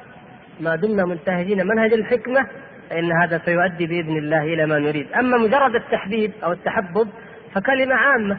قد يتحبب بعض الناس إلى الناس بتهاون بتساهل في أمر من الأمور بالتظاهر بأنه لا يتمسك بالسنة كاملة ولا يطبقها حتى يقول هؤلاء الناس أن الرجل ممكن أن يألف وأن يؤلف وأمثال ذلك مما قد يكون فيه شيء من التنازل عن الحق.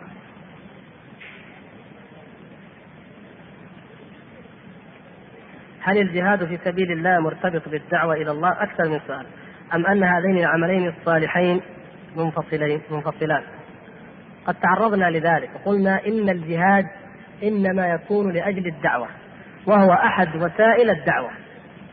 فإذا تجرد الجهاد عن ذلك إذا كان الجهاد من أجل الأرض عياذا بالله من أجل التسلط والحكم والتحكم من أجل أي غرض آخر فإنه يخرج عن صفة الجهاد الشرعية بمقدار ما يخرج عن المنهج الصحيح وهو أن يكون لإعلاء كلمة الله سبحانه وتعالى. ولا يكون فيه غرض لذوات المجاهدين. لا يكون في غرض لذات المجاهد. أما لدين الله فنعم ليقام دين الله لتطبق حدود الله كل ذلك في سبيل الله ولأجل الله. لكن غرض لذات المجاهد أن يجاهد ليحكم مثلا أن يجاهد ليصبح زعيما أن يجاهد ليحوز مالا فهذا الذي آه، كما أشرنا ذكر النبي صلى الله عليه وسلم أنه المجاهد المرائي الذي يؤتى به يوم القيامة فيقال لم جاهدت؟ فيقول فيك يا ربي فيقال كذبت إنما فعلت ليقال كذا وقد قيل. فاذهب إليه. وكما قال صلى الله عليه وسلم في الحديث القدسي عن ربه عز وجل يقول أنا أغنى الأغنياء عن الشرك من عمل عملا. أشرك معي فيه غيري تركته وشركه. فحتى الجهاد مع أنه تضحية بالنفس وتقديم لها لا بد أن يكون خالصا لوجه الله ومن أجل توحيد الله وإقامة دين الله ولا حظ للنفس فيه. وإلا فإن الشيوعيين الملحدين القوميين كل أنواع المجرمين في الأرض يقاتلون أيضا ويقتلون من أجل المبادئ التي يدعون إليها. وكل انواع المحتلين يقاتلون ليرفعوا الاحتلال عن بلادهم سواء كانوا على أي دين من الأديان. اذا لابد من الإخلاص لله سبحانه وتعالى. وهدف الجهاد هو هدف الدعوة وهو كما قال النبي صلى الله عليه وسلم بعثت بالسيف بين يدي الساعة حتى يعبد الله وحده لا شريك له. فهو يدعو إلى ماذا؟ إلى أن يعبد الله وحده لا شريك له. يجاهد من أجل ماذا؟ من أجل أن يعبد الله وحده لا شريك له. ولهذا لا يرتبط الجهاد الذي هو جهاد الطلب وجهاد الدعوة لا يرتبط بأرض ما من الأرض. هذه يا إخوان يجب أن نعرفها أن نفرق بين جهاد الدعوة وجهاد الطلب وبين جهاد الدفع. أما جهاد الطلب والدعوة فإننا كما قال الله تعالى اقتلوهم حيث ثقفتموهم المؤمن يجاهد في سبيل الله كما جاهد الصحابة الكرام في أي مكان لإقامة دين الله من أجل الدعوة إلى الله. فلما ضاقت الحيلة بالنبي صلى الله عليه وسلم وأصحابه في مكة هاجروا إلى المدينة. إلى أي بلد يمكن أن تقيم فيه دين الله؟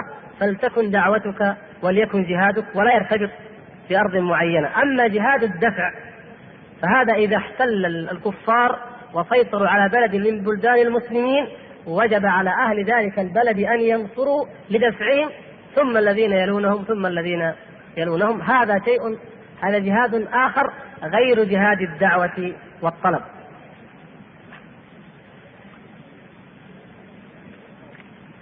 بعض الأسئلة تتعلق كيف يدعو الإنسان أو كثير منها في الحقيقة كيف يدعو أقرباءه كيف يدعو والديه كيف في مدرسته مثلا في عمله. الدعوة أيها الإخوة الكرام لا تختلف في مكان عن مكان إلا بحسب اختلاف البيئة يعني الهدف لا يختلف. والأسلوب والأصول أصول الأسلوب في الجملة لا تختلف. لكن من شخص إلى شخص ومن مكان إلى مكان تختلف بحسب ذلك الإنسان. دعوتي أو دعوتك مع الوالدين هي غيرها مع غيرهما. لأن الوالدين يا إخوان لهما حق علينا حتى مهما فعلا. وإن جاهداك على أن تشرك بي ما ليس لك به علم فلا تطعهما. وصاحبهما في الدنيا معروفة. لو أن آه، شابا من الشباب أبوه من أهل الشرك والضلال والدعوة إلى البدع والشر والإجرام مع ذلك يجب على هذا الشاب أن يدعوه أن ينصحه. نعم لكن مع ذلك لا بد أن يعاشره بالمعروف. وصاحبهما في الدنيا معروفا لا بد من ذلك. فلا يجفو عنه جفوة كاملة مهما فعل. بل يظل يتودد ويتقرب ويحسن العشرة ويعامل بالحسنى ويدعو الله ويبذل كل وسيلة لأن يهدي الله تعالى هذا الأب. كما حرص إبراهيم الخليل إمام الموحدين على أن يهدي الله تبارك وتعالى أباه وأخذ يدعو له كما تعلمون. والزميل أو الجار يا إخوان أيضا يختلف عن إنسان عادي تقابله في مكان ما. هذا الجار أو الزميل لابد أن يكون هنالك من الحكمة ومن المداراة ومن حسن التربية وسياسة الدعوة معه ما يختلف عن ذلك الذي لقاء عابر قد يكفي أن تبين له الحق بالهدوء بالأسلوب الطيب وتدعه يذهب كما يشاء. فالتفرقة لا تكون إلا بحسب الأحوال. يعني مثلا هذا الأخ يقول لدي قريب يتعامل مع المشعوذين فنصحته ولكن دون جدوى فتركته ولم أزره ولم أدخل بيته. فما رأيك؟ التعامل مع مع الدجالين ومع المشعوذين. هذا من الظواهر السيئة مع الأسف التي بدأت تنتشر وما تنتشر إلا نتيجة لغياب الدعوة إلى العقيدة الصحيحة من وسائل الإعلام والمنابر الخاصة والعامة. إذا قصرنا نحن الدعاء في دعوة الناس للعقيده الصحيحة وبيان التوحيد وبيان الشرك وخطر الخرافات والبدع فلا نستغرب أن يقع في الناس ما وقع. ولهذا كثر الذهاب إلى المشعوذين والدجالين. والنبي صلى الله عليه وسلم قد حسم الأمر هذا. فقال من أتى عرافا أو كاهنا فصدقه بما يقول فقد كفر بما أنزل على محمد. عياذا بالله. كفر بما أنزل على محمد. لأن مما أنزل على محمد صلى الله عليه وسلم وعنده مفاتح الغيب لا يعلمها إلا هو. ابدا. لا يعلمها إلا الله سبحانه وتعالى. إلا من ارتضى من الرسول وأطلعه على شيء من الغيب. والذي يذهب لا بقصد أنه يصدق الكاهن ولم يصدقه لكن كما يفعل بعض الناس يقول رحنا لبلد من البلدان وجدنا ناس يقروا الفنجان وجدنا سحرة. من جملة السياحة في تلك البلاد أنك تروح إليهم وتعرض لهم مشكلتك تعطيهم مبلغ من المال وعلى سبيل الاستهزاء أو عدم المبالاة أو أي جواب يقول يقوله ما يهمني أنا ما قصدي أؤمن بما يقول. هذا يقول النبي صلى الله عليه وسلم من أتى عرافا أو كاهنا لم تقبل له صلاة أربعين يوما. نعوذ بالله. أربعين يوم. أعظم أعمالنا وأزكاها عند الله سبحانه وتعالى إذا صلحت وحصلت هي هذه الصلاة التي نتقرب بها إلى الله. الصلة الصلة بينك وبين ربك تنقطع أربعين يوما.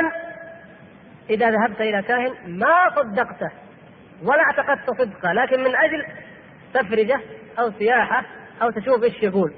رآك واحد جاهل جاء إليه فصدقه. يا شيخ ليش تروح لفلان؟ قال يا أخي فلان راح. نيتك أنت ما يدري بها الناس وهكذا. فتكون ممن كفر سواد أهل الشر وأهل الشرك. طيب هذا الأخ أنا أقول لك يا أخي لا تهجره. زره. وانصحه. ونوع في النصيحة. وإن رأيت أنك لا تجدي معك معه نصيحتك فأرسل عليه من ينفع من ينفعه الله بنصيحته. من أخ آخر من إنسان مستقيم من صاحب خير قريب لك يعرف ويثق فيه وقل له فليذهب إليه ولينصح. المهم أن تبذل الوسيلة. فإن بذلت وعجزت فإن ابن نوح عليه السلام كفر. وامرأة لوط عليه السلام كفرت.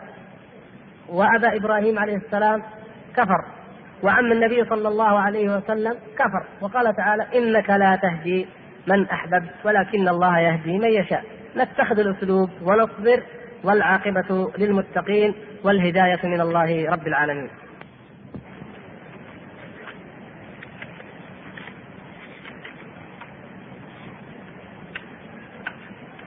يقول الأخ هل الدعوة والتبليغ هي نفسها الأمر بالمعروف والنهي عن المنكر؟ بمعنى هل هما متلازمان أمران متلازمان لا يفترقان؟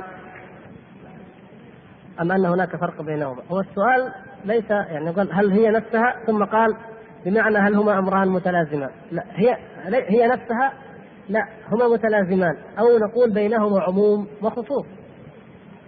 الدعوة إلى الله كما قلنا إن الله تعالى لما قال النبي صلى الله عليه وسلم قل هذه سبيلي أدعو إلى الله. إذا كل عمل النبي صلى الله عليه وسلم دعوة إلى الله. فإذا أمر بالمعروف فقد دعا إلى الله. نهى عن منكر دعا إلى الله. جاهد دعا إلى الله. آه، علم الناس العلم دعا إلى الله. وهكذا كل ذلك دعوة إلى الله سبحانه وتعالى. الأمر بالمعروف والنهي عن المنكر هذا سهم من سهام الإسلام عظيم. وهو شعار هذه الأمة. الأمر بالمعروف والنهي عن المنكر هذا سهم من سهام الإسلام عظيم وهو شعار هذه الأمة. كنتم خير أمة أخرجت للناس تأمرون بالمعروف وتنهون عن المنكر وتؤمنون بالله. هكذا. فأي دعوة لا تأمر بالمعروف ولا تنهى عن المنكر فقد أخرجت نفسها عن الخيرية التي جعلها الله سبحانه وتعالى واختصها واصطفى بها هذه الأمة. ولهذا قال لعن الذين كفروا من بني إسرائيل على لسان داود وعيسى بن مريم ذلك بما عصوا وكانوا يعتدون كانوا لا يتناهون عن منكر فعلوا. لم لما لم يتناهوا عن المنكر لعنوا. وهذه الأمة لما أنها تأمر بالمعروف وتنهى عن المنكر كانت خير أمة أخرجت للناس. فلا بد من هذا فالدعوة إلى الله لا بد فيها من ذلك. والمنكر الأكبر ما هو؟ الشرك. نعم. طيب إذا الأنبياء جميعا كما تعلمون وبينا إنما جاءوا يدعون إلى التوحيد وإلى نبذ الشرك. إذا المعروف الأكبر هو التوحيد والشرك الأكبر هو الشرك والمنكر الأكبر هو الشرك. إذا فالذي يدعو إلى الله ويدعو يأمر بالمعروف وينهى عن المنكر. ثم بعد ذلك الكبائر من زنا وربا وتبرج وفواحش كل الفواحش ما ظهر منها وما بطن. الفواحش الباطنة يا إخوان مثل الغفلة القسوة عدم الإيمان الصادق بالله سبحانه وتعالى الغش للمسلمين الحقد عليهم كل ذلك الأعمال القلبية الباطنة التي هي من الكبائر الحسد الشح كل هذه الأعمال القلبية هي أيضا من الكبائر وإن كانت قلبية ولكن لا بد أن يظهر أثرها. على صاحبها عافانا الله وإياكم منها.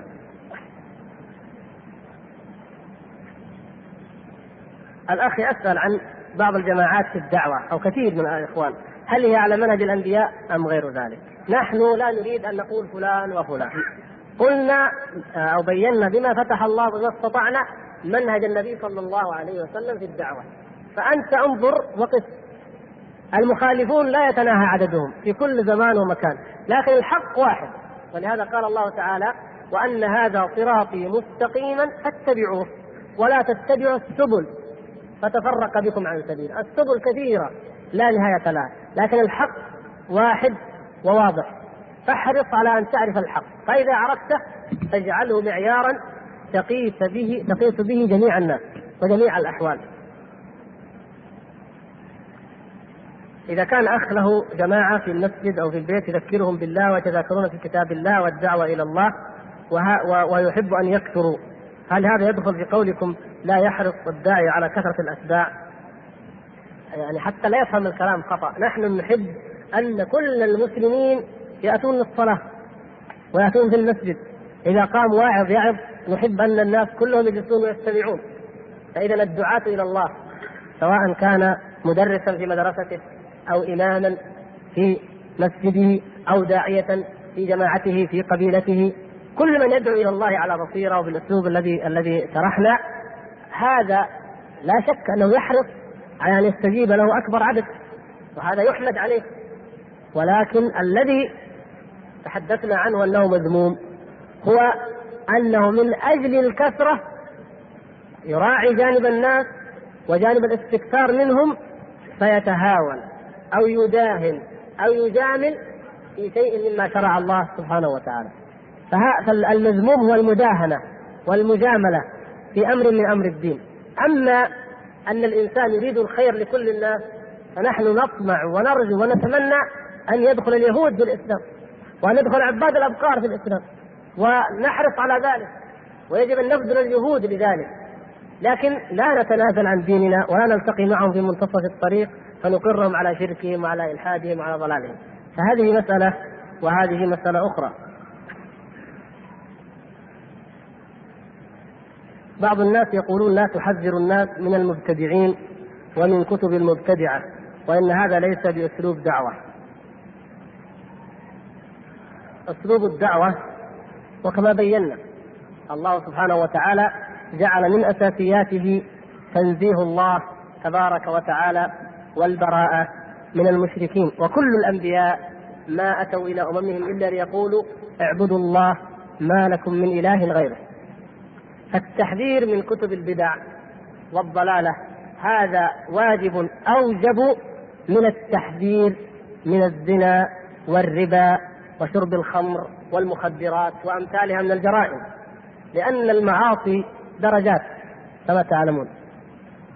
أعظم المعاصي وأعلاها عياذا بالله هو أسفلها أشدها هو ماذا؟ الشرك الكفر بالله سبحانه وتعالى. ثم يلي ذلك الابتداع في الدين.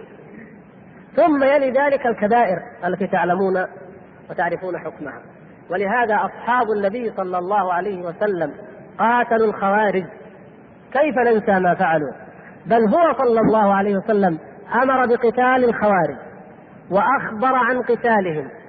وابتعد الصحابة رضي الله تعالى عنهم وفرحوا لما أن كان ذلك على أيديهم لما سمعوا من بشرى النبي صلى الله عليه وسلم بأن آه، آه، خير قتيل من قتلوه وأنهم شر قتلى تحت أديم السماء.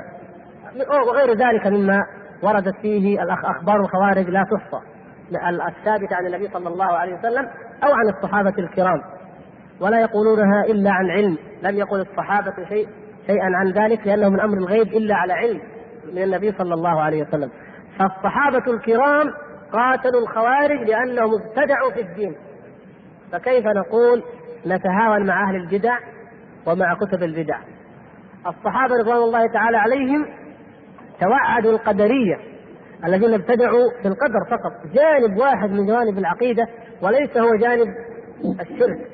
بل البدعة في القدر أصلها أو قصد أصحابها المحافظة على التوحيد. قالوا ننكر القدر حتى لا يحتج العصاة. ويقولون قدر الله ويفعلون المعاصي. ننكر أن الله قدر. يعني قصدهم كان زيادة تمسك الناس بالأمر والنهي. ومع ذلك يقول عبد الله بن عباس رضي الله تعالى عنهم لو أمكنني الله من أحدهم لدققت عنقه. كان قد كبر سنه رضي الله تعالى عنه. وعمي ويقول لو أمكنني الله من أحد منهم أو أدنيتموه لي لكسرته لدققت عنقه. هكذا تنفير. ويقول عبد الله بن عمر رضي الله تعالى عنه لما بلغه بعض التابعين عن القدرية الذين ظهروا بالبصرة قال أبلغوهم أنني منهم براء وأنهم مني براء. تبرأ منهم. وأنه لا يقبل لهم عمل. وأنه لو أن أحدهم أنفق مثل أحد ذهبا لم يقبل منه حتى يؤمن بالقدر. ثم ذكر لهم حديث جبريل الذي رواه عن أبيه عمر بن الخطاب رضي الله تعالى عنه. إذا انظروا كيف مواقف الصحابة الكرام من أهل البدع ومن أهل الضلال. وانظروا إلى تهاوننا معهم الذي أدى كما سأل الأخ إلى أن يأتي الدجالون والمشعوذون إلى أن تباع كتبهم إلى أن توزع إلى ما ترون والله المستعان. وهذا من أسباب تفرق المسلمين ومن أسباب تقهقرهم لأن المؤمنين وخاصة من الشباب المقبلين على الدين لو لم يروا إلا طريقا واحدا لاتبعوه. لكن يترك المخدرات والخمر والزنا وترك الصلاة ويريد أن يهتدي فيجد طرقا كثيرة. فيحتار أيها يتبع. فقد يقع في أحد سبل الضلال فيخرج بذلك إلى الشر. بل قد يكون قد خرج من جرائم من كبائر من فواحش وقع في البدع ثم في الشرك عياذا بالله فيكون حاله قبل أن يعرف هؤلاء القوم ويقرأ كتبهم أهون وأخف من حاله بعد ذلك. نسأل الله العفو والعافية. واسألوا من جرب وما أكثرهم. نسأل الله أن يعافي هذه الأمة وأن يقيها شر هؤلاء المبتدعة.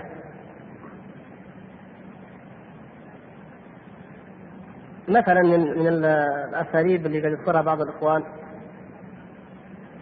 يقول أخ إذا جلست عند جماعة ودعوتهم إلى صلاة الجماعة في المسجد ولكنهم رفضوا الذهاب للمسجد لأنهم مشغولون بلهو كالنظر في مباراة كرة القدم في تلفاز أو ورقة لعب.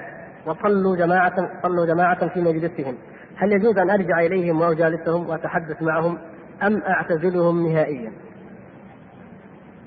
كلا طرفي قصد الأمور ذميم، يعني لا يكون لا تكون الجفوة النهائية لا تنبغي وخاصة إذا كانوا زملاء أو أقرباء والاحتكاك بينك وبينهم وارد. ولا ينبغي أيضا أن ترجع إليهم وكأنهم لم يعملوا أي شيء وتجلس معهم. لا لا بد أن تنكر عليهم وأن تحثهم على الذهاب إلى المسجد ثم تعيد الكرة عليهم بعد رجوعك وتبين لهم الخسارة التي لحقت بهم لأنهم صلوا هنا ولم يصلوا هناك. وتبين لهم مما تبين أن النبي صلى الله عليه وسلم قد هم بأن يأمر بالصلاة فتقام ويأمر برجل فيتقدم فيصلي بالناس ثم يخالف إلى الذين يصلون في بيوتهم فيحرقها عليهم. لولا ما فيها من النساء والذرية. هذا أمر خطير يا إخوان. لا يفعله النبي صلى الله عليه وسلم من أجل ما يقول بعض الناس صلاة الجماعة سنة.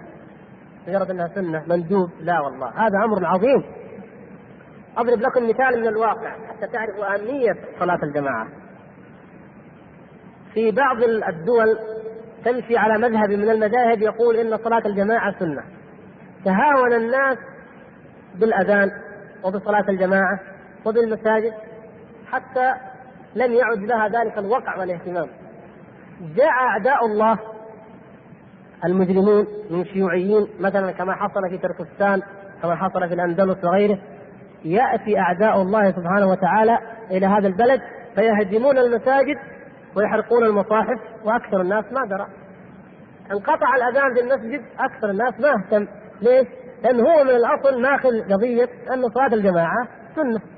لكن الأمة التي تعرف أهمية صلاة الجماعة وأهمية المسجد لو جاء في يوم من الأيام والفراش أو المؤذن ضيع المفتاح تتعجب. ليش؟ كيف انقفل؟ ليش ما صلينا اليوم؟ لماذا صار كذا؟ نعم لأن هذه أحست أن هناك شيء فقدناه وهو أننا لم نصلي في المسجد. لماذا قفل؟ لماذا كذا؟ تجد أنهم يبذلون كل جهدهم ليبنوا مسجد ليوسعوا المسجد يهتموا به بنظافته بإمامته بكل شيء. لماذا؟ لأنهم يقدرون أهمية المسجد وأهمية صلاة الجماعة. ولهذا اقتطعت أطراف بلاد الإسلام التي تهاونت في صلاة الجماعة وبسهولة تقتطع لأن الناس لا يجمعهم جامع. ولا يربطهم رابطة ولأن شعائر الإسلام الظاهرة محيت رويدا رويدا حتى اضمحلت نسأل الله العفو والعافية.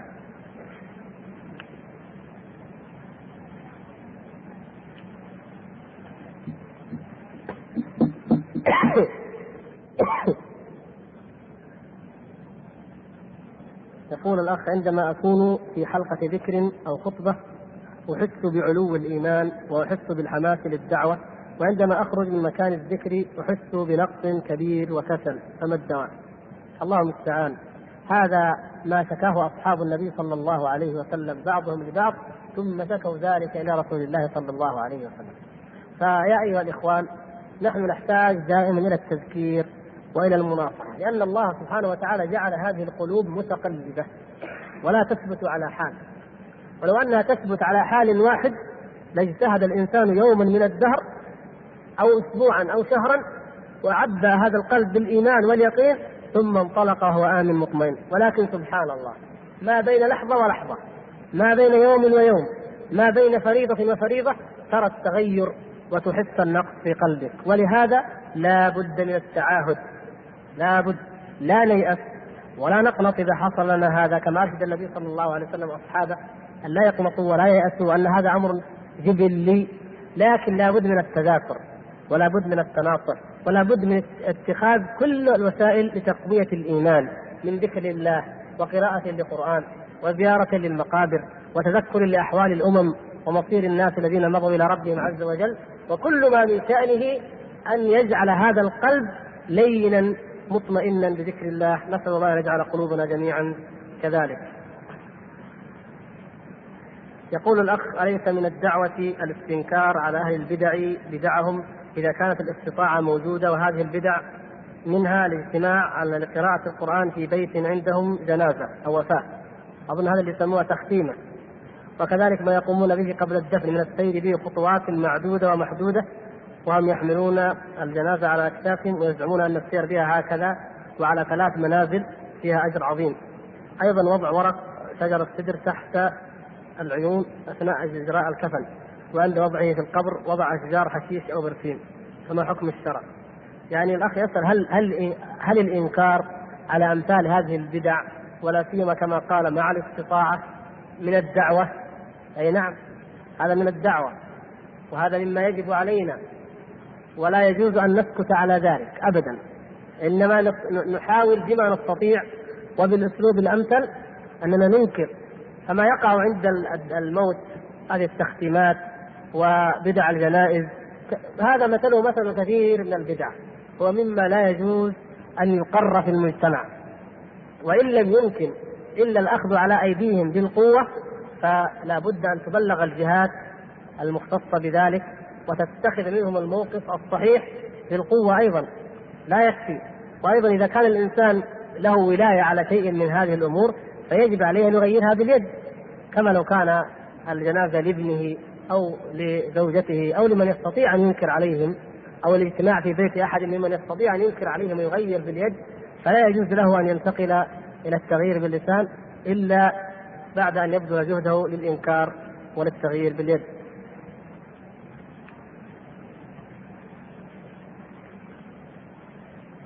كيف ندعو أصحاب المناصب أو المتكبرون؟ إلى الله. أو المكبون وكيف ندعو العوام إلى الله. لا فرق من حيث أهداف الدعوة وإنما الفرق أن صاحب المنصب الكبير أو صاحب الشأن أو صاحب المال ينبغي أن يدعى بما لا يشعر فيه أن فيه احتقارا له. لأن غرور الدنيا والمنصب والمال وكثرة النفاق والمنافقين يجعله يجعله دائما يشعر أنه فوق الناس. فإذا جاءه داعية ودعا إلى الله وخاطبه بأي خطاب فإنه ينصر يعني المقصود بهذا الإنسان المؤمن المسلم لكن فيه معاصي وفيه تقصير فهذا ينبغي أن يخاطب بالحسنى وبما يليق بمثله ويذكر بالله.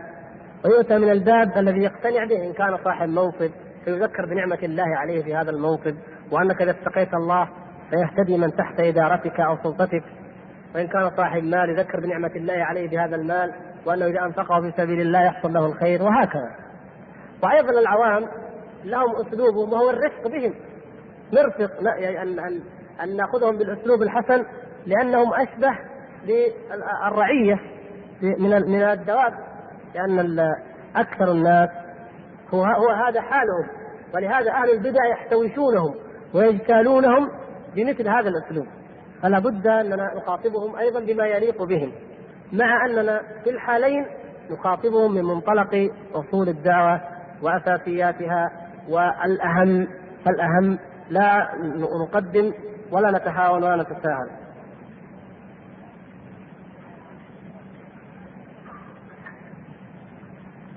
يقول الأخ أريد واتمنى أن أكون داعيا إلى الله وأن أكون خطيبا وواعظا في المساجد. ولكن يوسوس الشيطان لي واحس ضعفا من ناحية الإخلاص. توكل على الله. توكل على الله. الشيطان يقول لو دعوت إلى الله ربما أنك لا تخلص. هذا مثل إذا جاءك الشيطان وقال لو صليت قد ترائي بالصلاه إذا لا تصلي. تطيعه؟ لا يطاع الشيطان. له أساليب. هذا الخبيث عدو لدود من عهد آدم إلى اليوم. عنده هذه الخبرة الطويلة وعنده هذا التمكين الذي أعطاه الله إياه بأن يجري من ابن آدم مجرى الدم ويوسوس ويوسوس له كل هذا يسخره من أجل الإغواء. يأتي واحد يقول له أنت تفعل الفواحش والموبقات ولا تصلي ولا تصوم ويطمئن إلى جانبه. ويأتي الآخر ويقول له الجانب الآخر أنت اجتهد في الإخلاص واجتهد في عدم الرياء واجتهد في كذا لأنك مرائي حتى لا تحبط أعمالك حتى كذا حتى كذا. فإذا اقر واستيقن بذلك قال له لا تقوم تدعو إلى الله لو دعوت يكون هذا من الرياء. لا تظهر طاعة من الطاعات أمام الناس. التي أمر الله بأن تظهر لا تظهرها لأن هذا قد يكون فيه من الرياء. ولا تفعل كذا ولا تفعل كذا فيحجره عن الدعوة إلى الله بل يخرجه عن الصراط المستقيم الذي كان عليه النبي صلى الله عليه وسلم وأصحابه. فإياك وهذا العدو يا أخي توكل على الله وجاهد نفسك على الدعوة وجاهدها أيضا على الإخلاص في الدعوة. وحياتنا كلها جهاد.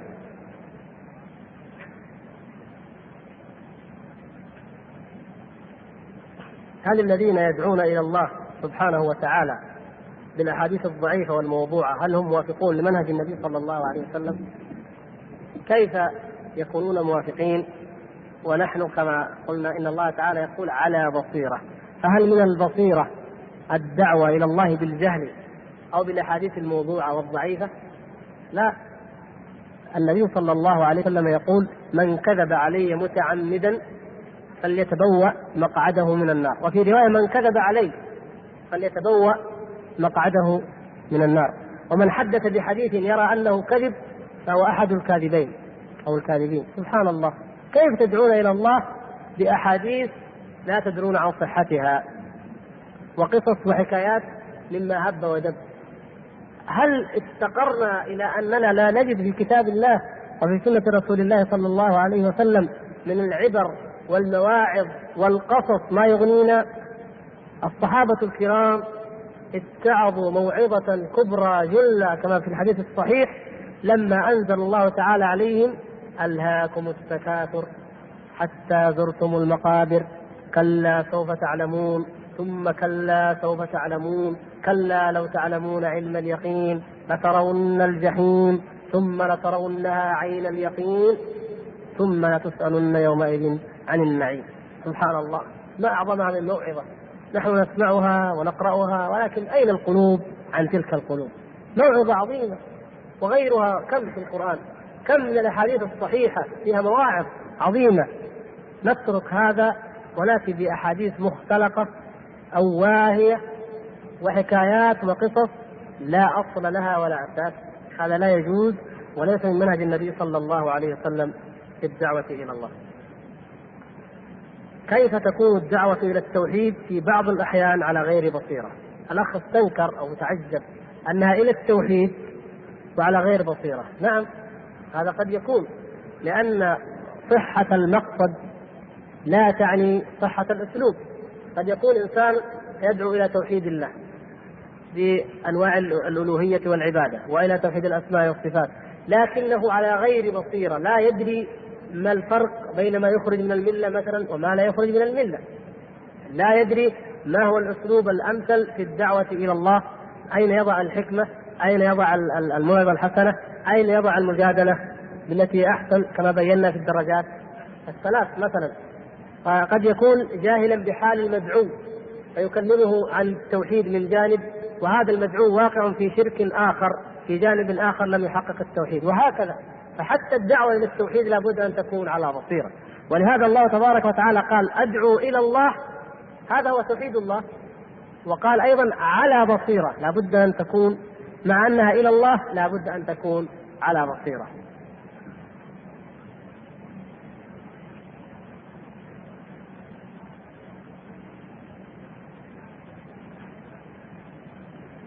نفس المشكلة تقريبا الأخ يعني يقول في بداية الهداية كنت أدعو إلى الله بقوة ولا أخاف أحدا وبعد سنة أو أقل قل عزمي حتى أني لم آه، أقم لصلاة الفجر في بعض الأحيان. فسبحان الله يا شيخ ارشدني ماذا أفعل لأستعيد القوة في ديني. الله المستعان يعني هذا الأخ كحالنا جميعا. تعترينا القوة ويعترينا الضعف والمرض. ولا بد أن نقوي إيماننا مثل ما أشرنا. عليك يا أخي بتلاوة كتاب الله عز وجل. بأن تجلس مع أهل الخير الذين يقربونك من الله أن تحرص على أن يوجهوك وأن يدعوك وأن يوقظوك تجاورهم وتسكن معهم لأن هؤلاء هم خير عون لك على هذا الشأن. ولا تيأس أيضا لا يأس الإنسان. وقد يكون آه، في بعض آه، يعني التراخي خير من جهة أن الإنسان يشحن العزم والهمة مرة ثانية ويراجع تلك تلك الهمة وتلك العزيمة وتلك القوة ربما أنها لا تكون على بصيرة. لأن لكل عمل شرة ولكل شرة فترة فبعض الناس في أثناء الدعوة أول ما يهتدي يندفع يندفع اندفاعا شديدا وبعد ذلك فترة فهنا يكون الافتراق. إما أن تكون الفترة إلى السنة يعني يرجع من الاندفاع إلى الاقتصاد والاعتدال كما هي السنة وإما أن يرجع من الشر والاندفاع إلى المروق والعياذ بالله أو إلى بدعة من البدع وهذا يخرج عن الطريق المستقيم. هذا ما قاله النبي صلى الله عليه وسلم في هذا المقام.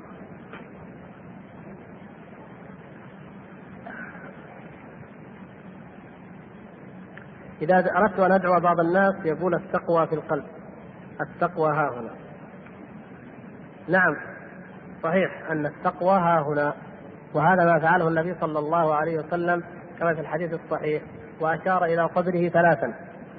ولكن ما معنى ذلك؟ كثيرا ما انعكست المفاهيم في حياة الأمة حتى أصبحوا يضعون الشيء في غير موضعه ينبهنا النبي صلى الله عليه وسلم إلى عدم الاكتفاء بالموافقة الظاهرة وبالخشوع الظاهر. لا بد من الخشوع الباطن ولا بد من الانقياد الباطن وأصل كل انقياد وإذعان وإنابة وإثبات ويقين وتوكل وصبر هو القلب. فيرشدنا إلى ذلك. فنأتي نحن نعكس هذا. ونقول نجعل ظاهرنا فاسدا. لماذا؟ لأن النبي صلى الله عليه وسلم يقول التقوى في القلب. سبحان الله. هذا عكس ما أمر الرسول صلى الله عليه وسلم. وهذا من التلاعب ومن التحريف وقد يدخل في ما أخبر الله سبحانه وتعالى عن اليهود أنهم يحرفون الكلمة عن مواضعه فلا يجوز هذا. بل أمرنا النبي صلى الله عليه وسلم أن نصلح ظاهرنا وباطننا لكن نهتم بالباطن. قد يقف إنسان في الصلاة وقفة الخاشع المنيب والقلب لا خشوع فيه فيقال له إنما الخشوع خشوع القلب. لكن إنسان معرض لا يريد أن يصلي ولا يعبد الله فيتقي الله. يقول التقوى ها هنا ويذهب. أين أثرها؟ أين حقيقتها؟ نعم ها هنا. ولهذا نقول لك ألن قلبك بذكر الله. ولو اتقيت الله في قلبك ولان وخشع لذكر الله لجعل الجوارح تنقاد وتأتي بك إلى بيت الله وتأتي بك إلى حيث أمر الله وتبعدك عن كل ما نهى الله سبحانه وتعالى. فلا بد أن نعرف هذه الحقيقة يا إخوان.